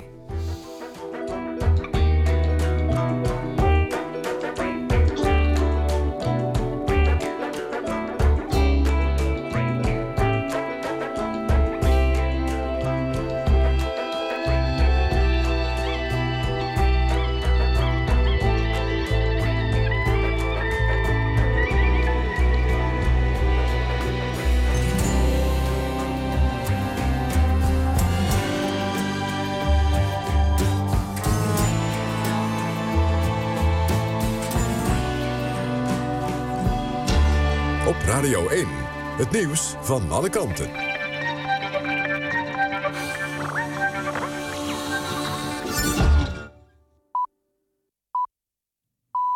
1 uur. Renate Evers met het NOS Journaal. De financiering voor de bouw van een groot windmolenpark in de Noordzee bij Groningen is rond. Dat hebben de investeerders afgelopen avond bekendgemaakt. Het park met 150 windmolens komt 55 kilometer ten noorden van Schiermonnikoog te liggen en zal vanaf de kust niet zichtbaar zijn. Het project kost 2,8 miljard euro. De voorbereidingen voor de bouw zijn inmiddels begonnen... en naar verwachting kunnen de windmolens in 2017 in gebruik worden genomen. Het park kan dan energie leveren aan ruim anderhalf miljoen mensen. De laatste weken is het aantal asielzoekers dat zich in Nederland meldt toegenomen van 1000 per maand tot 1000 per week. Vooral Eritreërs en Syriërs. Staatssecretaris Steven noemt dat in het tv-programma 1 op 1 alarmerend. Volgens hem gaat het om georganiseerde mensensmokkel. Politie, justitie en de marechaussee onderzoeken de zaak. In de Amerikaanse stad Minneapolis heeft een peuter een val overleefd van de elfde verdieping van een wolkenkrabber. Het jongetje ligt in het ziekenhuis. Zijn toestand wordt omschreven als kritiek, maar stabiel. De vader denkt dat zijn zoontje tussen de spijlen van het balkon door is gekropen. Het balkon voldoet aan de normen. Het kind overleefde de val doordat hij op een smal perkje terecht kwam. De Europa League is gewonnen door Sevilla. In de finale in Turijn versloegen de Spanjaarden het Portugese Benfica met 4-2 na strafschoppen. Die waren nodig omdat het na 90 minuten en de verlenging nog 0-0 stond. Het is de derde keer in negen jaar dat Sevilla de Europa League wint. Benfica verloor voor de achtste keer op rij een Europese finale. Het weer, vannacht opklaringen, temperatuur kan dalen tot 3 graden. Overdag flinke periode met zon, in het noordoosten en oosten meer wolken. Het wordt 14 tot 17 graden. De dagen daarna wordt het warmer. Dit was het NOS Journaal. Radio 1. VPRO. Nooit meer slapen.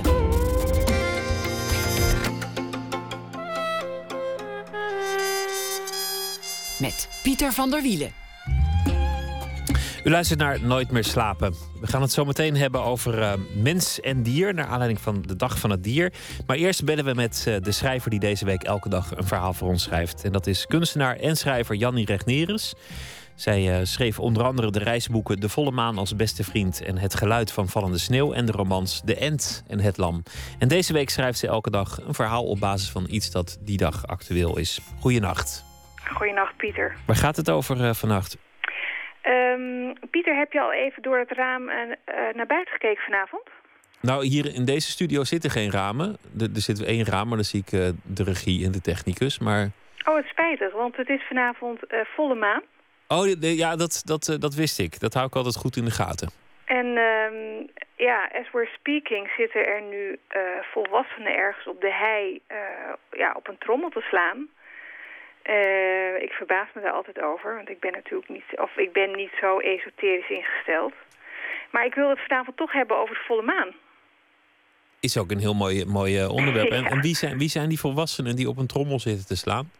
Nou, ik heb natuurlijk een beetje uh, ja, op het internet uh, gestruind. En, en, en nou, wat er vanavond allemaal te beleven is, joh. nou, je wilt het niet geloven. Er worden wandelingen georganiseerd bij maanlicht. Er worden trommelsessies en seances uh, georganiseerd. Um, ja, dus er zijn volgens mij vanavond uh, heel veel mensen op de been. Vannacht. Volgens mij zijn er best veel mensen die, die ook echt wel een beetje maanziek zijn hoor. Ik heb wel eens gehoord dat ze op de EHBO het ook merken wanneer de volle maan is. Echt waar? Ja, dat, dat het dan gewoon drukker is dan anders. Zeker als het in het weekend valt. Ja, ja, ja, Nou, het verbaast me niet. Het verbaast me niet. Uh, je noemde net al even dat uh, uh, ik... Ehm, mijn eerste boek heet De Volle Maan als beste vriend. En daarin speelt natuurlijk ook de volle maan al een ehm, ja, bepaalde rol. Ehm, ja, Mongoliërs die zijn ontzettend blij met die volle maan, want dan geven de koeien wat meer melk. Dus het heeft ook praktisch nut. En, maar goed, ik, ik heb vandaag een stukje geschreven over de volle maan. Nou, ik ben heel benieuwd. En dat ga ik, uh, ga ik even voorlezen. Ga je gang. Volle maan. Meestal praten ze nog wat, terwijl ze hem over zijn rug streelt. Zijn slaapshirt spant op de rug van haar hand. In het duister van de slaapkamer komen de woorden gemakkelijker dan op de bank of aan tafel. Bovendien kan hij haar zo iets langer op zijn bedrand houden. Of ze de gordijnen wil opendoen, vraagt hij wanneer ze opstaat. Hij valt graag in slaap met zicht op de sterren en de maan. Maar die laatste staat vanavond nog net iets te hoog en bovendien iets te oostelijk. Valt buiten zijn zicht, buiten het raamkozijn. Ze zegt dat voor alles een oplossing is en haalt een spiegel. Staand in de donkere kamer zoekt ze de juiste hoek, zodat hij vanuit zijn bed, diep weggedoken onder de dekens, toch de maan kan zien. Het blijkt minder moeilijk dan ze dacht, want de maan reflecteert via het spiegelglas als een lichtbundel door de kamer. Ze hoeft eigenlijk alleen maar dat zoeklicht, het brandpunt, op zijn gelaat te richten. En dan, weet ze, staan maan en kind met elkaar in één lijn. Dan zien ze elkaar. Omdat de spiegel niet vanzelf in die rare hoek blijft staan, stut ze deze met al wat voor het grijpen ligt. Zijn sokken, een spaarvarken. Zo laat ze de installatie in de vensterbank achter. Voor ze de deur sluit, kijkt ze nog even naar het kind in bed. Dat hij in dit volle maanlicht baat, is best een geruststellend idee. In Japan, had ze gehoord, zetten mensen de ramen en deuren wijd open, opdat de maan met zijn zuiverende kracht het huis en zijn bewoners zou reinigen. Dat was het. Ja, nou mooi. Het is, het is een goede gedachte dat het volle maan is. Dan kan je ook op, je, op, je, op jezelf en je omgeving letten om te zien of, er wat, of het verschil maakt. Nou ja, weet je, baat het niet, dan schaadt het niet, hè? Um, uh, ja, in Japan zetten ze de ramen open en de deuren open... omdat, omdat maanlicht gewoon het huis in te halen, als het ware, hè? Nou goed, dat gaat me een beetje te ver. Maar ehm, toen ik vanavond ja, mijn zoon naar zijn bed bracht... en, en, en wij zo met die maan in de weer waren... En hij mij toch vroeg hoe ik die maan voor hem in het zicht ja, kon halen. En ik met die spiegel op de proppen kwam. Ja, ik dacht, het is eigenlijk best mooi. Ja, mooi is het zeker. Dus zo'n Ja. volle maan is natuurlijk bij uitstek iets prachtigs. En als mensen gaan trommelen op de hei, ja, als ze een leuke avond hebben, het is altijd beter dan trommelen in de stad op het nachtelijke uur. Precies, zo is het. Zo is het. Dankjewel, Jannie. En eh, een, een hele goede nacht. Kijk Ja. nog even naar buiten voor het slapen gaan. En eh, doe een, een ritueel naar eigen inzicht. Omtrent de volle maan. En eh, graag tot, eh, tot morgen voor een nieuw verhaal. Tot morgen, Pieter. En ik zou zeggen, geniet ook straks nog even van de maan als je naar huis fietst, hè? Ja, ik, ik, ik rij naar huis met een, met een auto met buitengewoon hoge snelheid. Dus ik moet ook een beetje op de weg letten. Maar Tot ik zal toch naar de maan kijken. Tot Dankjewel. morgen. Jannie Rechtneres eh, was dat. We gaan luisteren naar eh, wat zo'n beetje de populairste band uit Amerika op dit moment is. Althans in het eh, alternatieve circuit, wat het ook zijn mogen. Ze bestaan uit twee personen slechts. Dan Auerbach op zang, gitaar en drummer Patrick Carney. Hun cd heet Turn Blue en wij draaien Waiting on Words.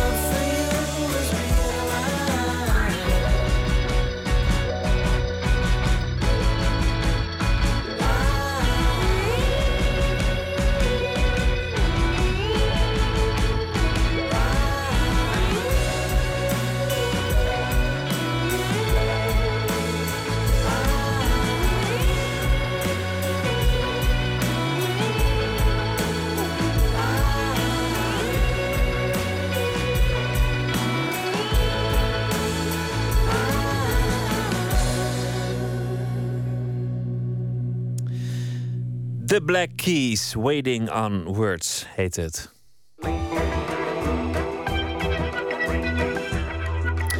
U luistert naar de VPRO op Radio 1, Nooit meer slapen. De man in het midden is de titel van het thriller-debuut van schrijver Bartjan Casemir. Gaat over een uitgerangeerde advocaat die verstrikt raakt in het web van machtige mediamagnaten. Door middel van slimme propagandatechnieken krijgt de mediabaas steeds meer grip op Nederland. En Bartjan Casemir, van origine taalkundige, houdt zich al heel lang bezig met het thema propaganda. Vandaar ook waarschijnlijk dit thema voor het boek. Verslaggever Inge ter Schuren zocht hem op. Your television. Watch your television.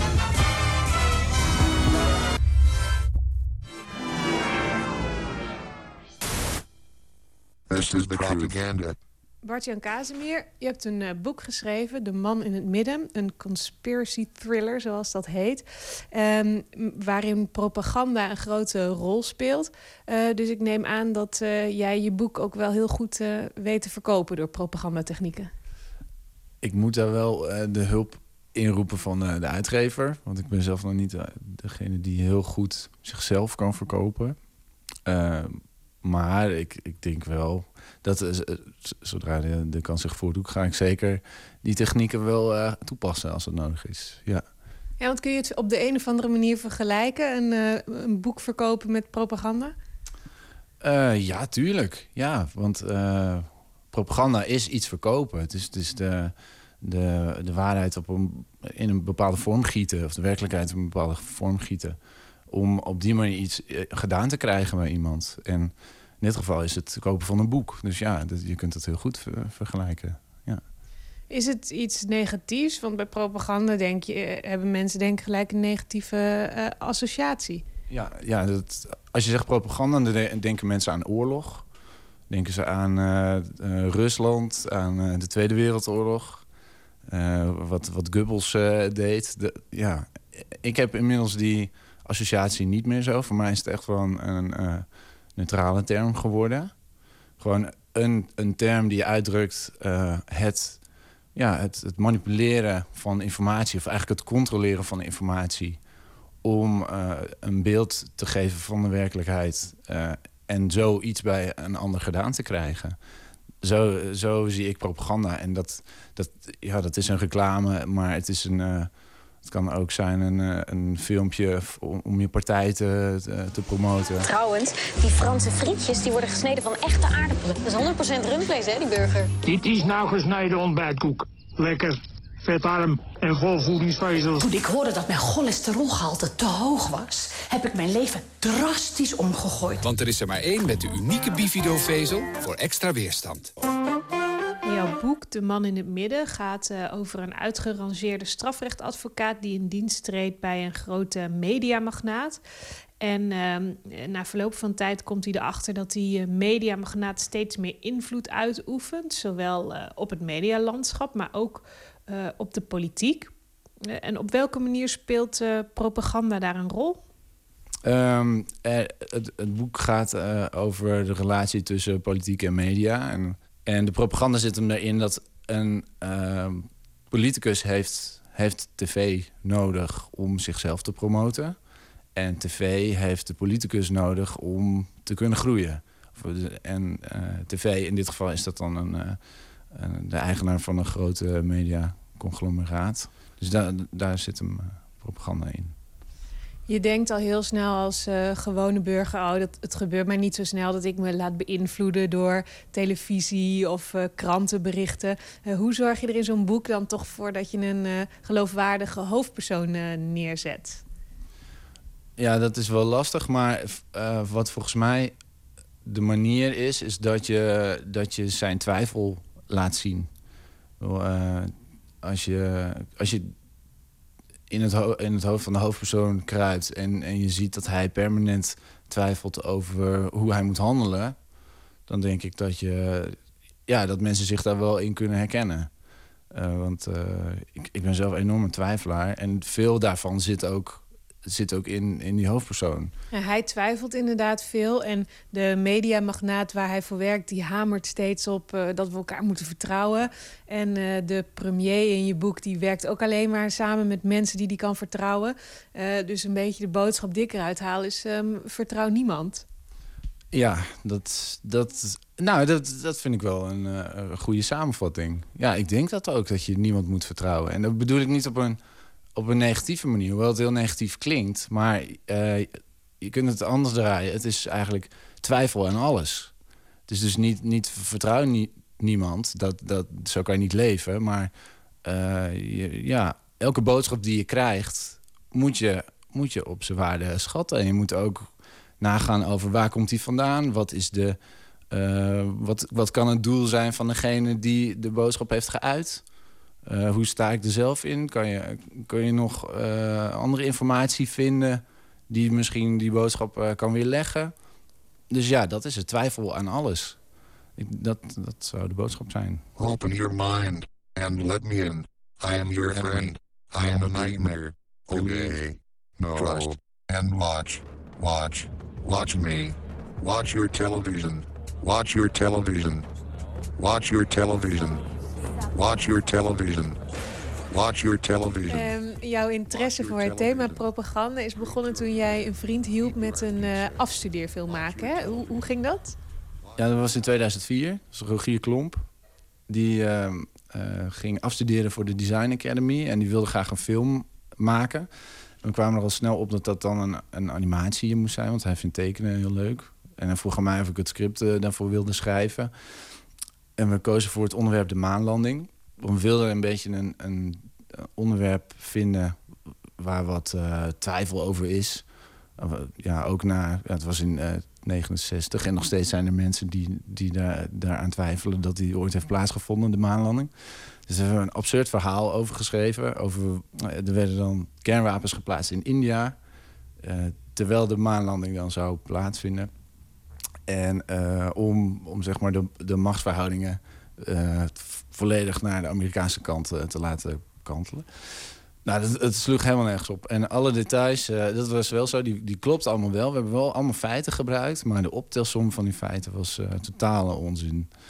En uiteindelijk, die film heeft, ja, die heeft op verschillende festivals gedraaid. En eigenlijk iedereen die wij spraken erover, die ging ervan uit nou, dat het gewoon waar was. Gewoon totale eh, waarheid, geen enkele twijfel. En En dat was nooit jullie bedoeling om mensen dat te laten denken. het was, wel, het was natuurlijk wel leuk om iets in elkaar te zetten wat niet echt is, wat echt lijkt. Dat, dat was wel een leuke gimmick, maar dat was niet echt het uitgangspunt. We wilden gewoon een mooie film eh, maken. Ehm, maar ja, we dachten, dat is, ja, we vonden het natuurlijk heel grappig dat dat gebeurde. Maar gelijktijdig zagen we ook wel de ernst ervan in. Namelijk dat mensen dus blijkbaar, als je ze bepaalde informatie geeft, eh, klakkeloos je verhaal geloven. En eh, als je het maar op de juiste manier doet, ja, dan, dan accepteren ze het. Dus dat, dat geeft wel een bepaalde macht. De macht over die, eh, de informatie. En vanaf dat moment hebben we ons vooral verdiept in... nou, hoe, hoe kan dat dan? Dat je mensen klaarblijkelijk zo makkelijk eh, kunt overtuigen van je gelijk. Ook al is het totaal eh, een leugen. Nou, en, eh, want in jouw boek is het zo dat mensen worden beïnvloed door een heel eh, ingenieuze methode, waar ik niet te veel over zal zeggen, maar eh, die mensen echt als eh, persoon labelt en, eh, en beïnvloedt. Ehm, maar met jullie film die jullie gemaakt hebben, blijkt het dus eigenlijk veel simpeler te zijn. Dus de, wat dat betreft is de werkelijkheid dan wat eh, nou, huiveringwekkender dan eh, de thriller. Ja, dat, eigenlijk wel. Ja, als je dat zo ziet, klopt dat. Als je het maar op de, op de juiste manier presenteert, eh, dan is dat voor mensen genoeg. Ik denk wel, ik, ik ga wel van het uitgangspunt dat het wel moet, echt moet kloppen. Mensen moeten wel, eh, als ze toch de behoefte voelen om het na te pluizen, om dan te denken, oh nee, dit, ja, dit detail klopt. Of dat was inderdaad gelijktijdig eh, en dat is vreemd. Maar het is heel grappig dat je dus... eh, je kunt een aantal data... Kan je, of je kunt één datum nemen... waarop willekeurige dingen zijn gebeurd. En die presenteer je als eh, feitjes achter elkaar. En mensen gaan er automatisch al een eenheid van creëren. Alleen al door die datum denken ze... ja, dat is natuurlijk toevallig... dat dat allemaal precies op op, eh, op dezelfde dag gebeurt als dat er een maanlanding plaatsvindt. Terwijl ja, er zijn nog miljarden andere dingen wereldwijd eh, gebeurd, maar die noemen we dan niet. Two weeks later, on January 24th, 1966, a plane crashes in the French Alps. On board, India's big men on nuclear technology, one of them being Dr. Baba. This is the propaganda. Heb je, heb je een aantal voorbeelden van propaganda waarvan je denkt dat is goed, eh, goed gelukt? Misschien die je kunt laten Ja. zien? Ja, ik heb, eh, eh, ik heb vooral een, gekeken naar Ge- Geert, Geert Wilders. Dat, dat vond ik interessant. Niet omdat hij nou een fantastische propagandist is of zoiets, maar hij, hij doet het gewoon heel slim. Ehm, hij had een campagnefilmpje in 2010. En eh, dat is een filmpje over eh massa-immigratie. Eh, wat, wat ik als taalkundige heel interessant vind, wat hij doet, is hij, ja, hij bedenkt een eigen idioom. En met dat idioom, met, met bepaalde woorden die hij en die Martin Bosma verzinnen, creëert hij een eigen werkelijkheid. En dat is gewoon heel knap. En hij, hij zegt dan ook over eh, zijn politieke tegenstanders... ja, zij ontkennen dat. Bijvoorbeeld massa-immigratie. Zij, zij, zij, eh, ze doen alsof het niet bestaat. En dat klopt ook, want het, dat zit niet in hun idioom. Zij ontkennen dat het er is, massa-immigratie. Dus eh, voor Wilders, doordat hij zijn eigen, eigen werkelijkheid heeft geschapen... is hij onaantastbaar daarbinnen. Dus dat, ja, het is een soort talige werkelijkheid. En zodra hij dat doet, en hij herhaalt het maar de hele tijd... en mensen buiten de PVV gaan dat soort woorden ook gebruiken... dan bestaat het ook. Dus zeg maar, propaganda kan ook de werkelijkheid weer beïnvloeden. Het probleem van de massa-immigratie, hoofddoekjes, boerkaars, minaretten, uitkeringsafhankelijkheid, misdaad. Een kopvoddentax. Pina colada maffia op de Nederlandse Antillen. Zolang de subsidiestromen maar richting de VPRO en richting de kunstbobo's gaan. Ik heb toch steeds in mijn hoofd zitten dat eh, bij propaganda een, altijd een, een soort kwade intentie zit. Of in ieder geval een intentie om ehm, iets te bewerkstelligen bij iemand wat diegene misschien zelf niet, per se willen. zou willen. Ja. Eh, is dat ook zo? Ehm, nou, het- misschien is het niet iets dat hij niet zou willen. Maar misschien is het ook iets waar hij nog niet over nagedacht heeft. Dus het kan heel goed zijn dat je, dat je iets nieuws brengt bij, een, bij iemand... eh, dat hij nog niet wist dat hij dat wou hebben. Of eh, waarvan je nog niet wist dat hij dat dacht. En eh, ja, dat, dat kan je dan bij hem loskrijgen. Maar ehm, ik had bijvoorbeeld heel veel mensen kunnen uitkiezen om eh, te interviewen deze week. Want er gebeurt van alles op, eh, op cultureel gebied.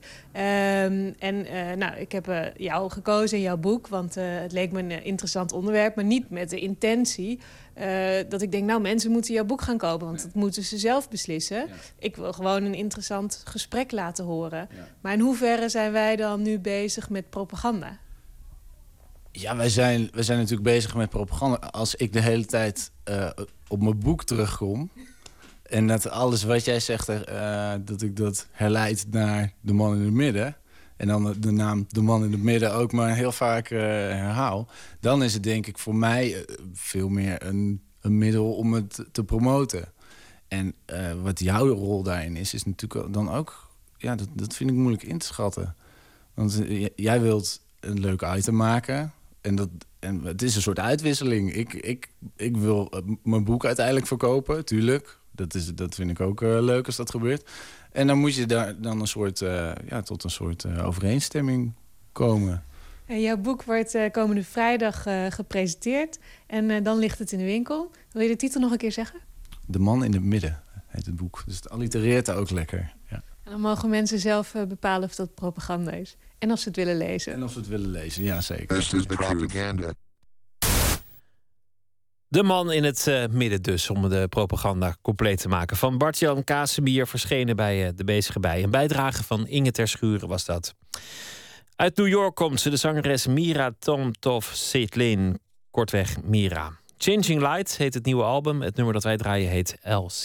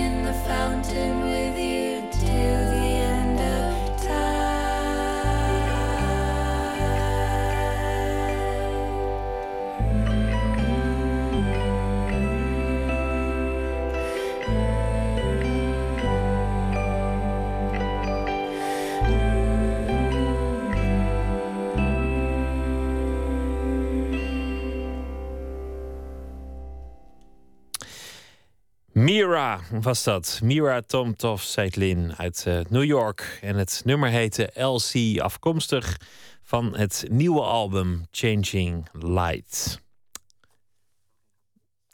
We gaan, eh, we gaan het hebben over eh, de Dag van het Dier. Dat is een, een dag die binnenkort gehouden wordt in de Bali. Iets anders dan, dan Dierendag. 18 mei 2014 zal het plaatsvinden. En eh, die dag gaat over het eh, thema de verhouding tussen mens en dier. Waarom zijn we gechoqueerd als een walvis eh, wordt geëuthanaseerd... of als een giraffe in de dierentuin wordt afgemaakt wegens inteeltgevaar. Maar waarom kopen we dan wel zonder al te veel schuldgevoel een plofkip voor 1 euro en eten die even smakelijk op? Dat soort vragen. Kortom, waar ligt de grens tussen dierenwelzijn en ons eigen welzijn? Een van de sprekers eh, eh, daar zal zijn Jelle Reumer. Op die dag zal ook een onderzoek worden gepresenteerd door eh, Trouw over die relatie tussen mens en dier. De resultaten zullen daar bekendgemaakt worden. Jelle Reumer is directeur van het Natuurhistorisch Museum in Rotterdam en bijzonder hoogleraar in de vertebraten paleontologie, de gewervelde fossielen. Goeienacht. Goeienacht.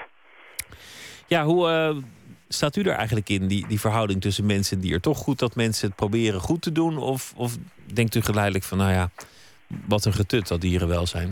Ja, het is een, het is een buitengewoon lastige, lastige aangelegenheid eh, natuurlijk. Kijk, ik denk dat een van de belangrijkste kenmerken hoe wij, deze naar, hoe wij met dit soort dingen omgaan is... eh, is eigenlijk heel veel, heel veel negeren. Hè? Een soort eh, ja, ignorance zou je kunnen zeggen. En als je erover na gaat denken, dan, dan heb ik eigenlijk vaak het idee dat die ignorance, dat, dat, dat negeren, eh, eh, zo'n beetje de, de, de default setting van, van, van, van de mens is. Hè? We, we, we, maken ons over het algemeen in het leven over heel weinig dingen zorgen. En, ehm, en, en dat is misschien ook wel verstandig om je over heel weinig dingen zorgen te maken. Maar dan ineens over één ding je heel erg zorgen maken, dat valt dan een beetje uit de toon. Ja, dat valt dan een beetje uit de toon. Ik bedoel, ja, je, je kunt je eigenlijk overal zorgen over maken natuurlijk. Hè? Over, over het leven überhaupt en dat je ooit een keer doodgaat. En eh, je, je, eh, wat er morgen gaat gebeuren en nou, je gezondheid. En, eh, maar dat, dat doen we natuurlijk niet. We, we leven gewoon eigenlijk van, van, van, van dag tot dag. En misschien dat dat ook wel een beetje het geval is met eh, de manier waarop we met, eh, met, eh, met, met de dieren en met, met de natuur en het milieu en zo omgaan. Selectief. Ja, ja. Er komt een, een diner en dan mag u tussen voorgerecht en hoofdgerecht een column uitspreken. Twee vragen in één keer. Eén is het een vegetarisch diner en twee, waar gaat de column over? Nee, het is geen vegetarisch diner. Het is een diner wat, eh, wat dus wel degelijk over, over dieren gaat. Het heet ook de Dag van het Dier en het. Eh, ik, heb, ik heb begrepen, ik heb het programma natuurlijk nog niet helemaal goed eh, tot me, althans in die zin tot me genomen. Maar ik begrijp dat er ook allerlei, eh, dus bijvoorbeeld dat er iets gegeten wordt van ganzen die in de buurt van Schiphol worden verdelgd omdat ze anders de, botsen met de vliegtuigen. Maar ook die ganzen die worden dan natuurlijk doodgemaakt, maar do- doe er dan niets mee. Dus dat is wel goed natuurlijk. Eh, er komt een stadsjager, eh, er komt ook een slager. Het is, het is dus van alles en nog wat. Eh, geen pl- plofkippen ongetwijfeld, maar, maar dus ook niet vegetarisch. En, en waar gaat de column over? Wa- Wat wordt de strekking van het verhaal dat jij gaat houden? Nou, de column wordt een beetje over wat ik net zei, over die, over die ignorance, dat negeren van alles om je heen als, als een beetje de menselijke default setting. En misschien is dat ook wel soort evolutionair handige strategie, want, want als je echt over alles zo nog wat zorgen maakt, dan, eh, ja, dan, dan koop je een touw en hang je je aan een boom op. Eh, maar, maar tegelijkertijd ehm, zorgt dat ervoor dat we toch eigenlijk heel dikwijls in een staat van verwarring leven. Want als je je dan toch over dingen zorgen gaat maken en er toch ergens over nadenkt, want dat doen we natuurlijk toch wel, dan, eh, ja, dan krijg je toch ook wel weer problemen. Eh, dan, dan- krijg je last van keuzestress. Hè. Moet, je dan ergens voor zijn? Moet je er dan niet voor zijn? Om een paar voorbeelden te noemen. We vinden allemaal dat, er, eh, dat we minder in vliegtuigen moeten gaan zitten. Eh, maar op het moment dat er ergens een, een, hoge snelheidsspoorweg wordt aangelegd... dan gaan we ook allemaal demonstreren. We vinden dat er minder fossiele brandstoffen verstookt moeten worden... want dat is natuurlijk slecht vanwege die CO2-uitstoot en dergelijke. Maar we zijn ook tegen kernenergie, want het is ook weer eng. En, eh, maar Ja, we, zijn et cetera. ook tegen, Dus- we zijn ook tegen windmolens, want dat vinden we lelijke dingen in het landschap. Dus, Dus eigenlijk willen we een hoop dingen. Maar het heeft uiteindelijk ermee te maken, eh, als je het evolutionair eh, beschouwt. In de natuur eet iedereen alles op wat hij kan krijgen. Maar wij zijn in zekere zin lijkt het aan de natuur ons tegen, waardoor het zulke grote vormen aan heeft genomen. Dat het geen natuurlijke situatie meer lijkt. Omdat die, die kippen worden geboren in een fabriek, die sterven in een fabriek en daartussen zit, zit drie weken of zoiets. Ja, ja, ja maar, maar we zijn ook tegen die jacht, hè? want dat is natuurlijk het ultieme scharrelvlees. Dus het, je, je krijgt een soort keuzestress en uiteindelijk blijven we met z'n allen in, in, in ver- verwarring achter. Ik heb een beetje het idee dat dat ook wel aan de hand is. Je zou ook kunnen zeggen, uiteindelijk heeft het ermee te maken dat de mensheid gewoon een te prominente plek op aarde heeft verworven ten aanzien van ten opzichte van andere dieren. We Nou, hebben geen vijanden meer, we hebben gewoon de macht. Het bottom line probleem is dat we met veel te veel zijn. Juist. 7 miljard en o- op weg om aan het eind van de eeuw, weet, ik wel, 10 of 11 miljard mensen te worden. Dat is natuurlijk veel te veel. Dat, ik denk dat van heel veel problemen op de aarde, eh, eh, van, van, van, van de global warming tot de overbevissing en, eh, en, en, en noem maar op. Dat, dat, als, je, als je alle problemen afpelt tot de kern overhoudt, dan is denk ik de overbevolking het grootste probleem.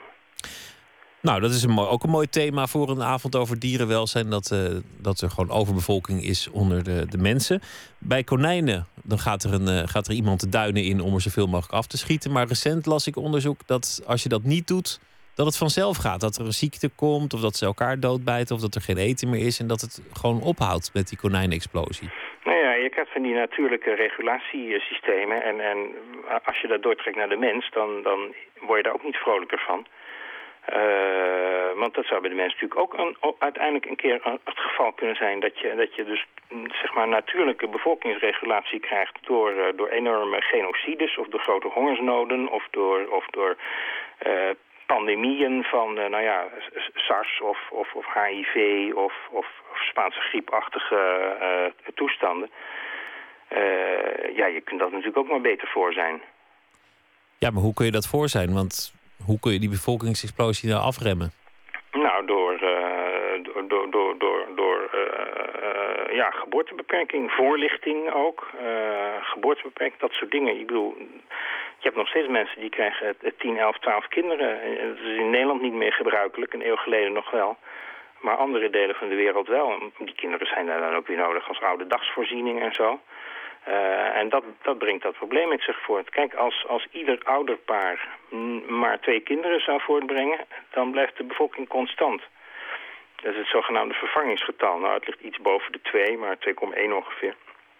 Pas als dat veel groter wordt, hè, dat, je dus, uh, uh, dat het gemiddelde ouderpaar 4, 5, 6, 7 kinderen voort gaat brengen. En in sommige landen is dat het geval, hè? En dan gaat die uh, bevolking natuurlijk enorm toenemen. En dan krijg je allemaal van dat soort, van dat soort bijkomende problemen. Of, of, of, of collateral damage, of hoe je ook noemen wilt. Kortom, in, in plaats van over dierenwelzijn uh, het praten over, over milieubelang of dat soort dingen... zou overbevolking het grote thema moeten zijn. Uh, dat, dat ook bij zo'n idee. Dat zou uiteindelijk het grote thema moeten zijn, denk ik, ja. Nou ja, je kan het ook op zachtaardige manieren oplossen. Dat mensen een oude dagsvoorziening hebben, dat ze daar geen kinderen voor nodig hebben. Of dat, dat ze misschien niet in een of ander moreel keurslijf zitten... dat ze dwingt om zich voor te planten terwijl nee, ze misschien, geen zin in hebben. Nee, economische, economische ontwikkeling nodig. Dat is heel belangrijk. En uh, goed, on, goed onderwijs en goede voorlichting, met name aan vrouwen, is heel belangrijk. Maar ja, dat heb je niet overal op deze wereld op dit moment bewerkstelligd. En zo uh, hebben we toch een, een mooi thema voor het, uh, voor het toespraak, de toespraak op de dag van het dier die gehouden zal worden in uh, de Bali op uh, 18 mei. Jelle Reumer, dank en ja, een uh, goede nacht en veel succes met okay. het uh, ja, uitspreken van die column. Ja. Goeienacht. Look at that woman standing there. Look at that woman. Ain't she fair? Look at that woman, seems so fine. Lord, I wish that woman was anybody else but mine. Anybody else but mine. She can't cook, she can't love.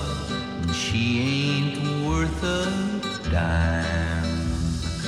Lord, I wish that woman was anybody else but mine.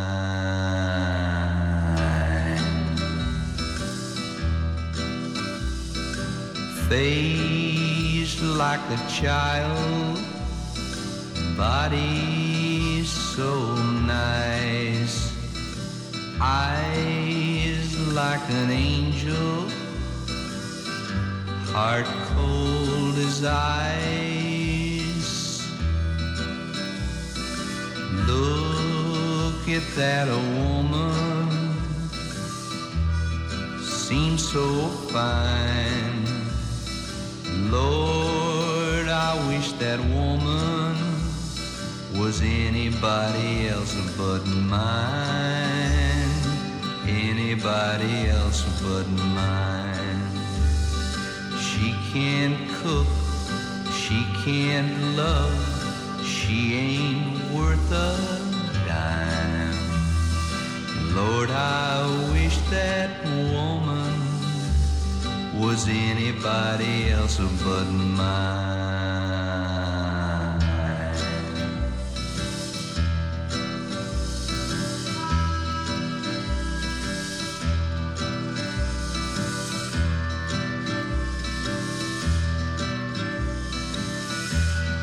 Look at that woman.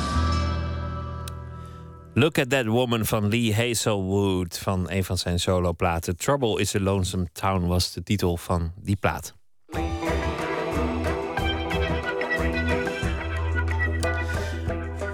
U luistert naar Nooit meer slapen. 14 romans schreef Gijs Eilander tot zover. En vaak gaat het daarin over morele dilemma's. Ook in zijn nieuwste Vergeef ons onze zwakheid. Waarin verpleeghuisarts Siebrand Staring last krijgt van zijn geweten als hij euthanasie uitvoert bij een oude man. Verslaggever Tjitske Mussen ging langs bij Eilander en trof hem in zijn werkkamer met uitzicht op een bos vol vogels. Gijs Eilander, we zijn hier in uh, Middelaar, in de buurt van Nijmegen. En we zitten in jouw werkkamer. Nou zie ik hier ook allemaal verf staan. Ben jij ook een schilder? Uh, nou, dat zou ik niet al te serieus nemen.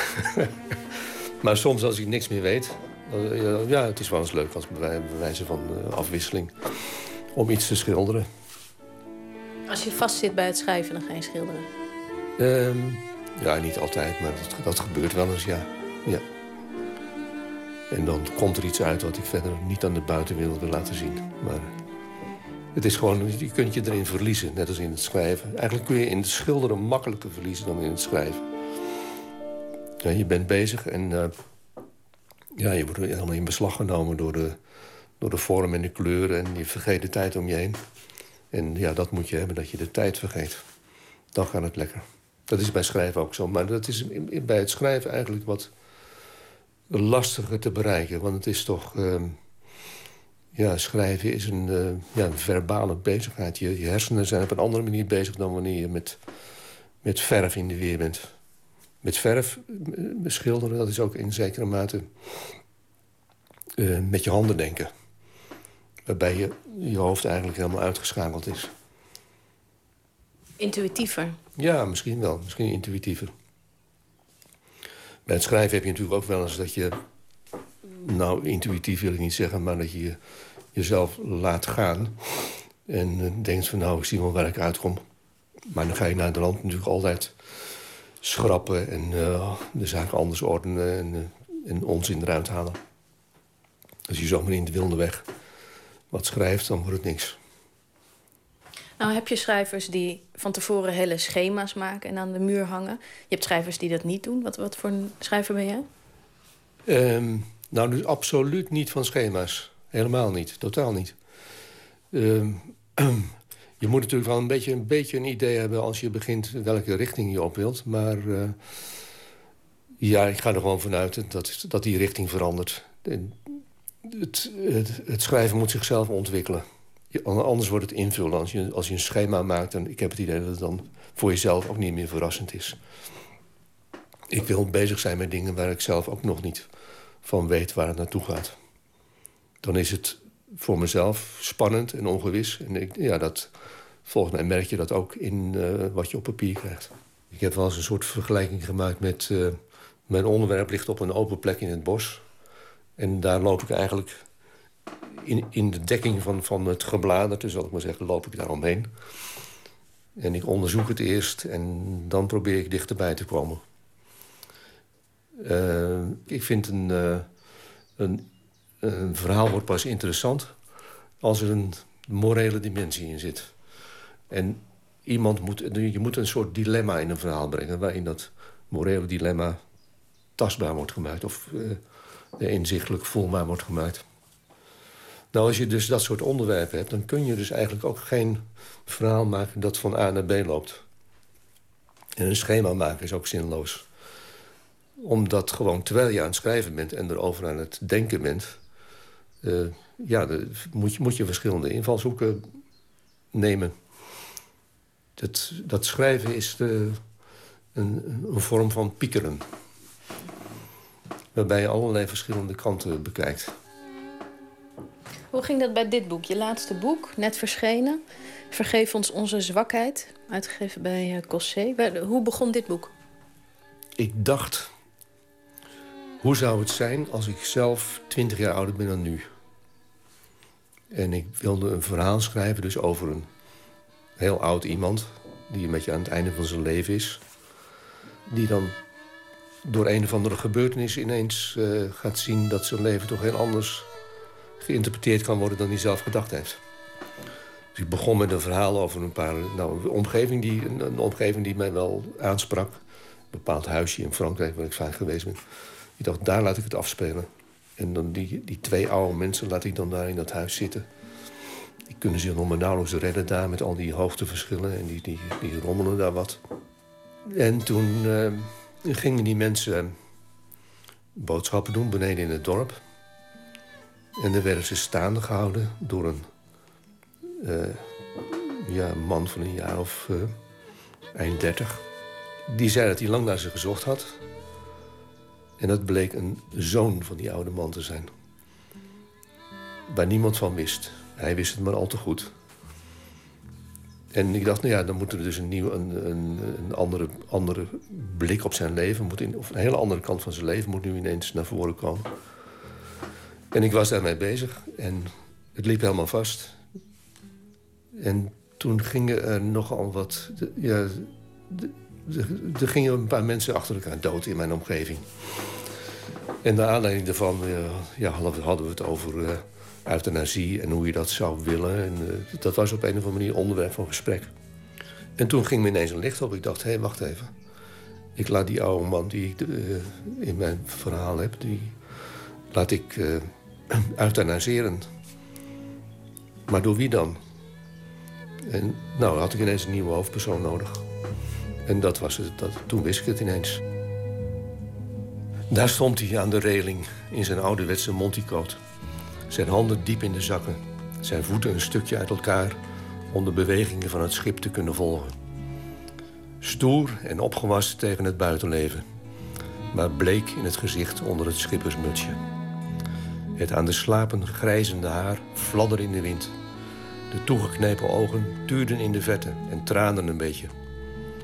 De rode neus had niets met drankgebruik te maken, maar met vocht en lage temperatuur.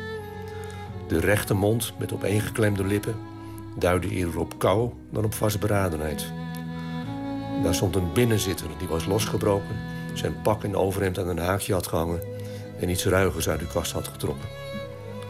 Die Monticoat was een cadeau van Cecile, waar hij zijn twijfels over had. Zoiets draagt een buitenmens niet. Het is Sibran Staring, jouw, hoofdpersoon. Zou je uh, deze Sibran Staring eens wat meer willen voorstellen? Het is iemand die uh, uh, eigenlijk het goede wil doen. En vindt dat hij daarvoor, daarvoor ook over zijn eigen bezwaren heen moet stappen. Dus hij heeft in het verhaal kennis gemaakt met het bejaarde echtpaar. En heeft gezien dat ja, die, de, de vrouw is eh, op een akelige manier aan het einde gekomen.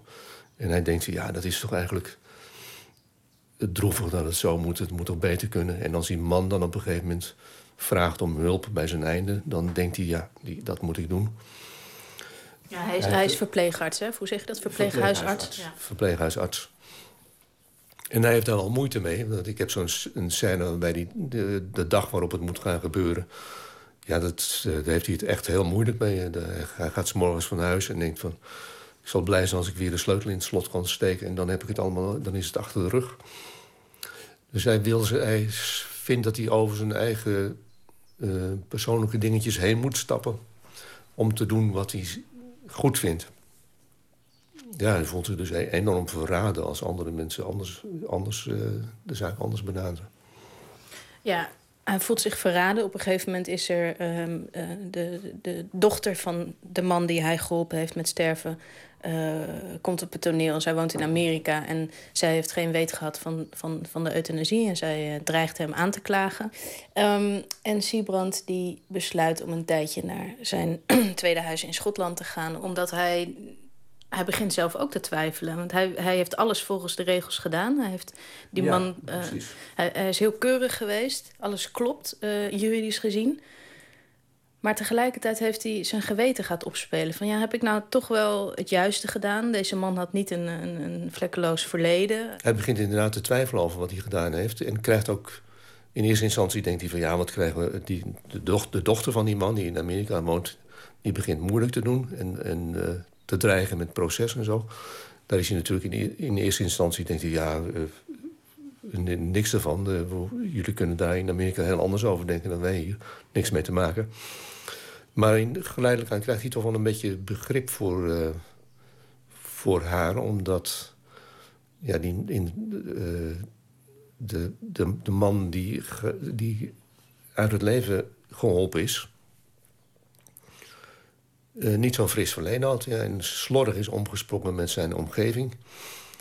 Hij heeft ook wel voor, voor de uitvoering naar de euthanasie verschillende keren gezegd... ja, zou je niet je kinderen erbij betrekken? Nou, dat, dat, dat speelde kennelijk helemaal geen rol. Hij wilde die oude man niets mee te maken hebben. En naderhand denkt hij van ja, misschien had dat, toch, had dat toch wel gemoeten. Wat naar mijn idee het aardig is aan dit boek is als je, zoals je eerder beschreef, je hebt een onderwerp dat is een lege plek in een bos en jij cirkelt daaromheen. Dan is dit, zie ik zo voor me dat jij je in het, in het publieke debat heb je voor euthanasie, tegen euthanasie. Ja. Het gaat over de regelgeving. Ja. En jij hebt een ingang gekozen die gaat over, ja, maar ook als je het wel doet, dan is er altijd nog een persoonlijk geweten wat, wat, wat mee kan spelen. En ehm, dat, dat gaf mij een. een eh, ehm, nou, niet een nieuw inzicht, maar wel even een inkijkje van... oh ja, natuurlijk, je hebt ook nog die arts die daar zelf mee worstelt. Precies. Eh, ja, je kunt wel zeggen, eh, ik heb recht op, zelfbeschikking. En als het, eh, het leven mij genoeg is geweest... of eh, ik voorzie een, een akelige toekomst, dan stap ik eruit. Maar ja, als je daar andere mensen bij betrekt... dan moet je daar toch... dan is het niet meer alleen jouw beslissing. Nou, dat had ik van tevoren eigenlijk ook niet bedacht. Ik, mijn standpunt was altijd van... nou, je bent een autonoom persoon... En, dit soort dingen, daar ga je zelf over. Ja, bedoel, natuurlijk ga je er zelf over. Ik bedoel, die, eh, zelfbeschikking, eh, wetten of niet, of regels of niet. Natuurlijk heb je zelfbeschikking. Iedereen kan besluiten om, eh, om, om, van een hoog gebouw af te stappen... of iets anders te doen. Maar, ehm, ja, zelfbeschikking... naar mijn idee zijn er grenzen aan. Je bent niet een individu die helemaal los autonoom is. Je hebt met andere mensen om je heen te maken. En nou ja, dat is dus een verandering in mijn eigen denken daarover. Maar ik ben er nog niet over uitgedacht. Ik weet niet hoe je... Hoe, je, hoe, ik, hoe ik daarover zou denken als de nood aan de man was. Geen idee. Toch hoor je deze kant van het verhaal eigenlijk weinig... Hè? als je gewoon eh, de kranten leest of, of debat daarover eh, volgt. Is dit een, een, een kant die bij uitstek door literatuur eh, eh, ja, aan, aan, aan de kaak gesteld zou moeten worden? Nou, dat is naar mijn idee een functie van literatuur. Of van de, van, de kunst in het algemeen. Is toch om eh, ehm, zaken van verschillende kanten te belichten. En niet alleen maar, vanuit het, niet alleen maar rationeel, maar ook andere aspecten erin te betrekken. Ja, de functie van literatuur, ik weet niet. eh, literatuur is wat mij betreft in ieder geval niet alleen maar ter verstrooiing... of eh, om, om eh, iets te lezen over wat je al weet. Maar ja, het ik, verwacht van een, van een goed boek dat het je aan het denken zet. En tegelijkertijd moet het natuurlijk spannend zijn en pakkend. Zou er, zou er meer aandacht voor, voor deze kant van, van, eh, van de arts moeten komen? Die, die gewetensvragen die een arts kunnen hebben? Ja, absoluut. Absoluut. Ja, je kunt het zien als, eh, als enigszins als een pleidooi daarvoor. De persoon die het moet doen, die, eh, dat is, lijkt me ook inderdaad een hele zware... ja, de beslissing is altijd een beslissing, maar je, je speelt een heel moeilijke rol daarin. Dat lijkt me lastig. Dat lijkt me heel erg lastig. Ik zou het niet kunnen. Ik ben een tijd lang veehouder geweest. Oh ja? maar op een heel bescheiden schaal, hoor, met, met, eh, met, met schapen en kippen en zo. En ik vind al de beslissing die je moet nemen over het leven van een dier... vind ik al moeilijk. Laat staan over een mens. Vermoedelijk eh, wordt dit een boek dat veel onder artsen cadeau gegeven gaat worden. Dat denk ik zo. nou, ik hoop het. Dat zou, ik zou het wel heel leuk vinden, ja. Ehm, ja, en dan hoop ik maar dat die artsen niet alleen dan maar op, op dat niveau lezen... maar het ook eh, de, als een spannend, verhaal ondergaan... dat ze hun eh, dagelijks werk er even bij vergeten.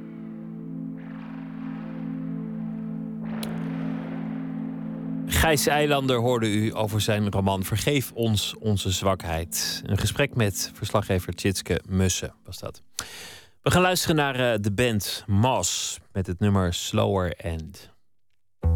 I wanna wake up and find I don't wanna be far behind. Great prospect of anything I could have. I wanna get up to see what you mean in my life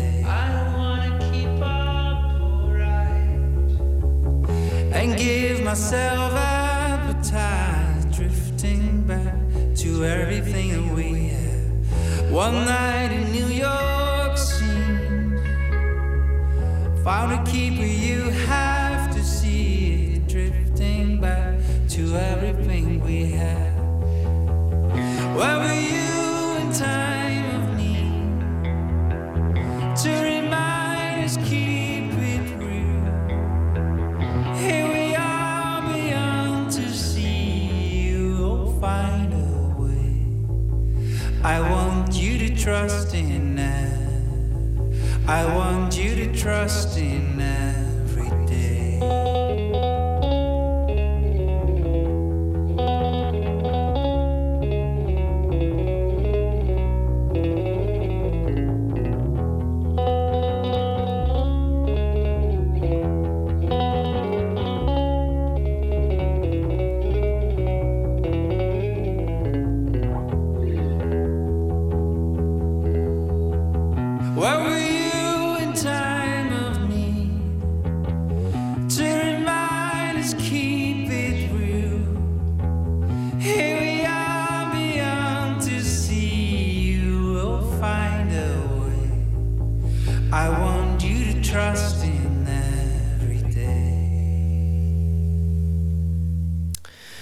Was dat. Het nummer heet Slower End van het album We Both Know. The Rest is Noise. En eh, ze gaan binnenkort eh, toeren door Nederland. Hou dat eh, in de gaten. Zo zijn we aan het einde gekomen van deze aflevering van Nooit meer slapen. Morgen zijn we er weer na middernacht. In gesprek met stand-up comedian Stefan Pop. Nog geen 30 jaar oud, maar al een flinke carrière opgebouwd en achter de rug. En hij heeft ook een boek uitgebracht. Een verhalenbundel. Moet je nou eens horen.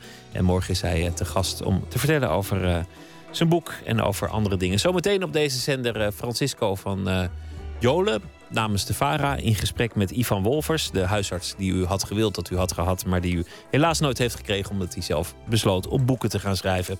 En die is eh, te gast en zij gaat nog de hele nacht door. Ik wens u, wens u een hele mooie nacht en morgen een leuke dag en graag tot morgen.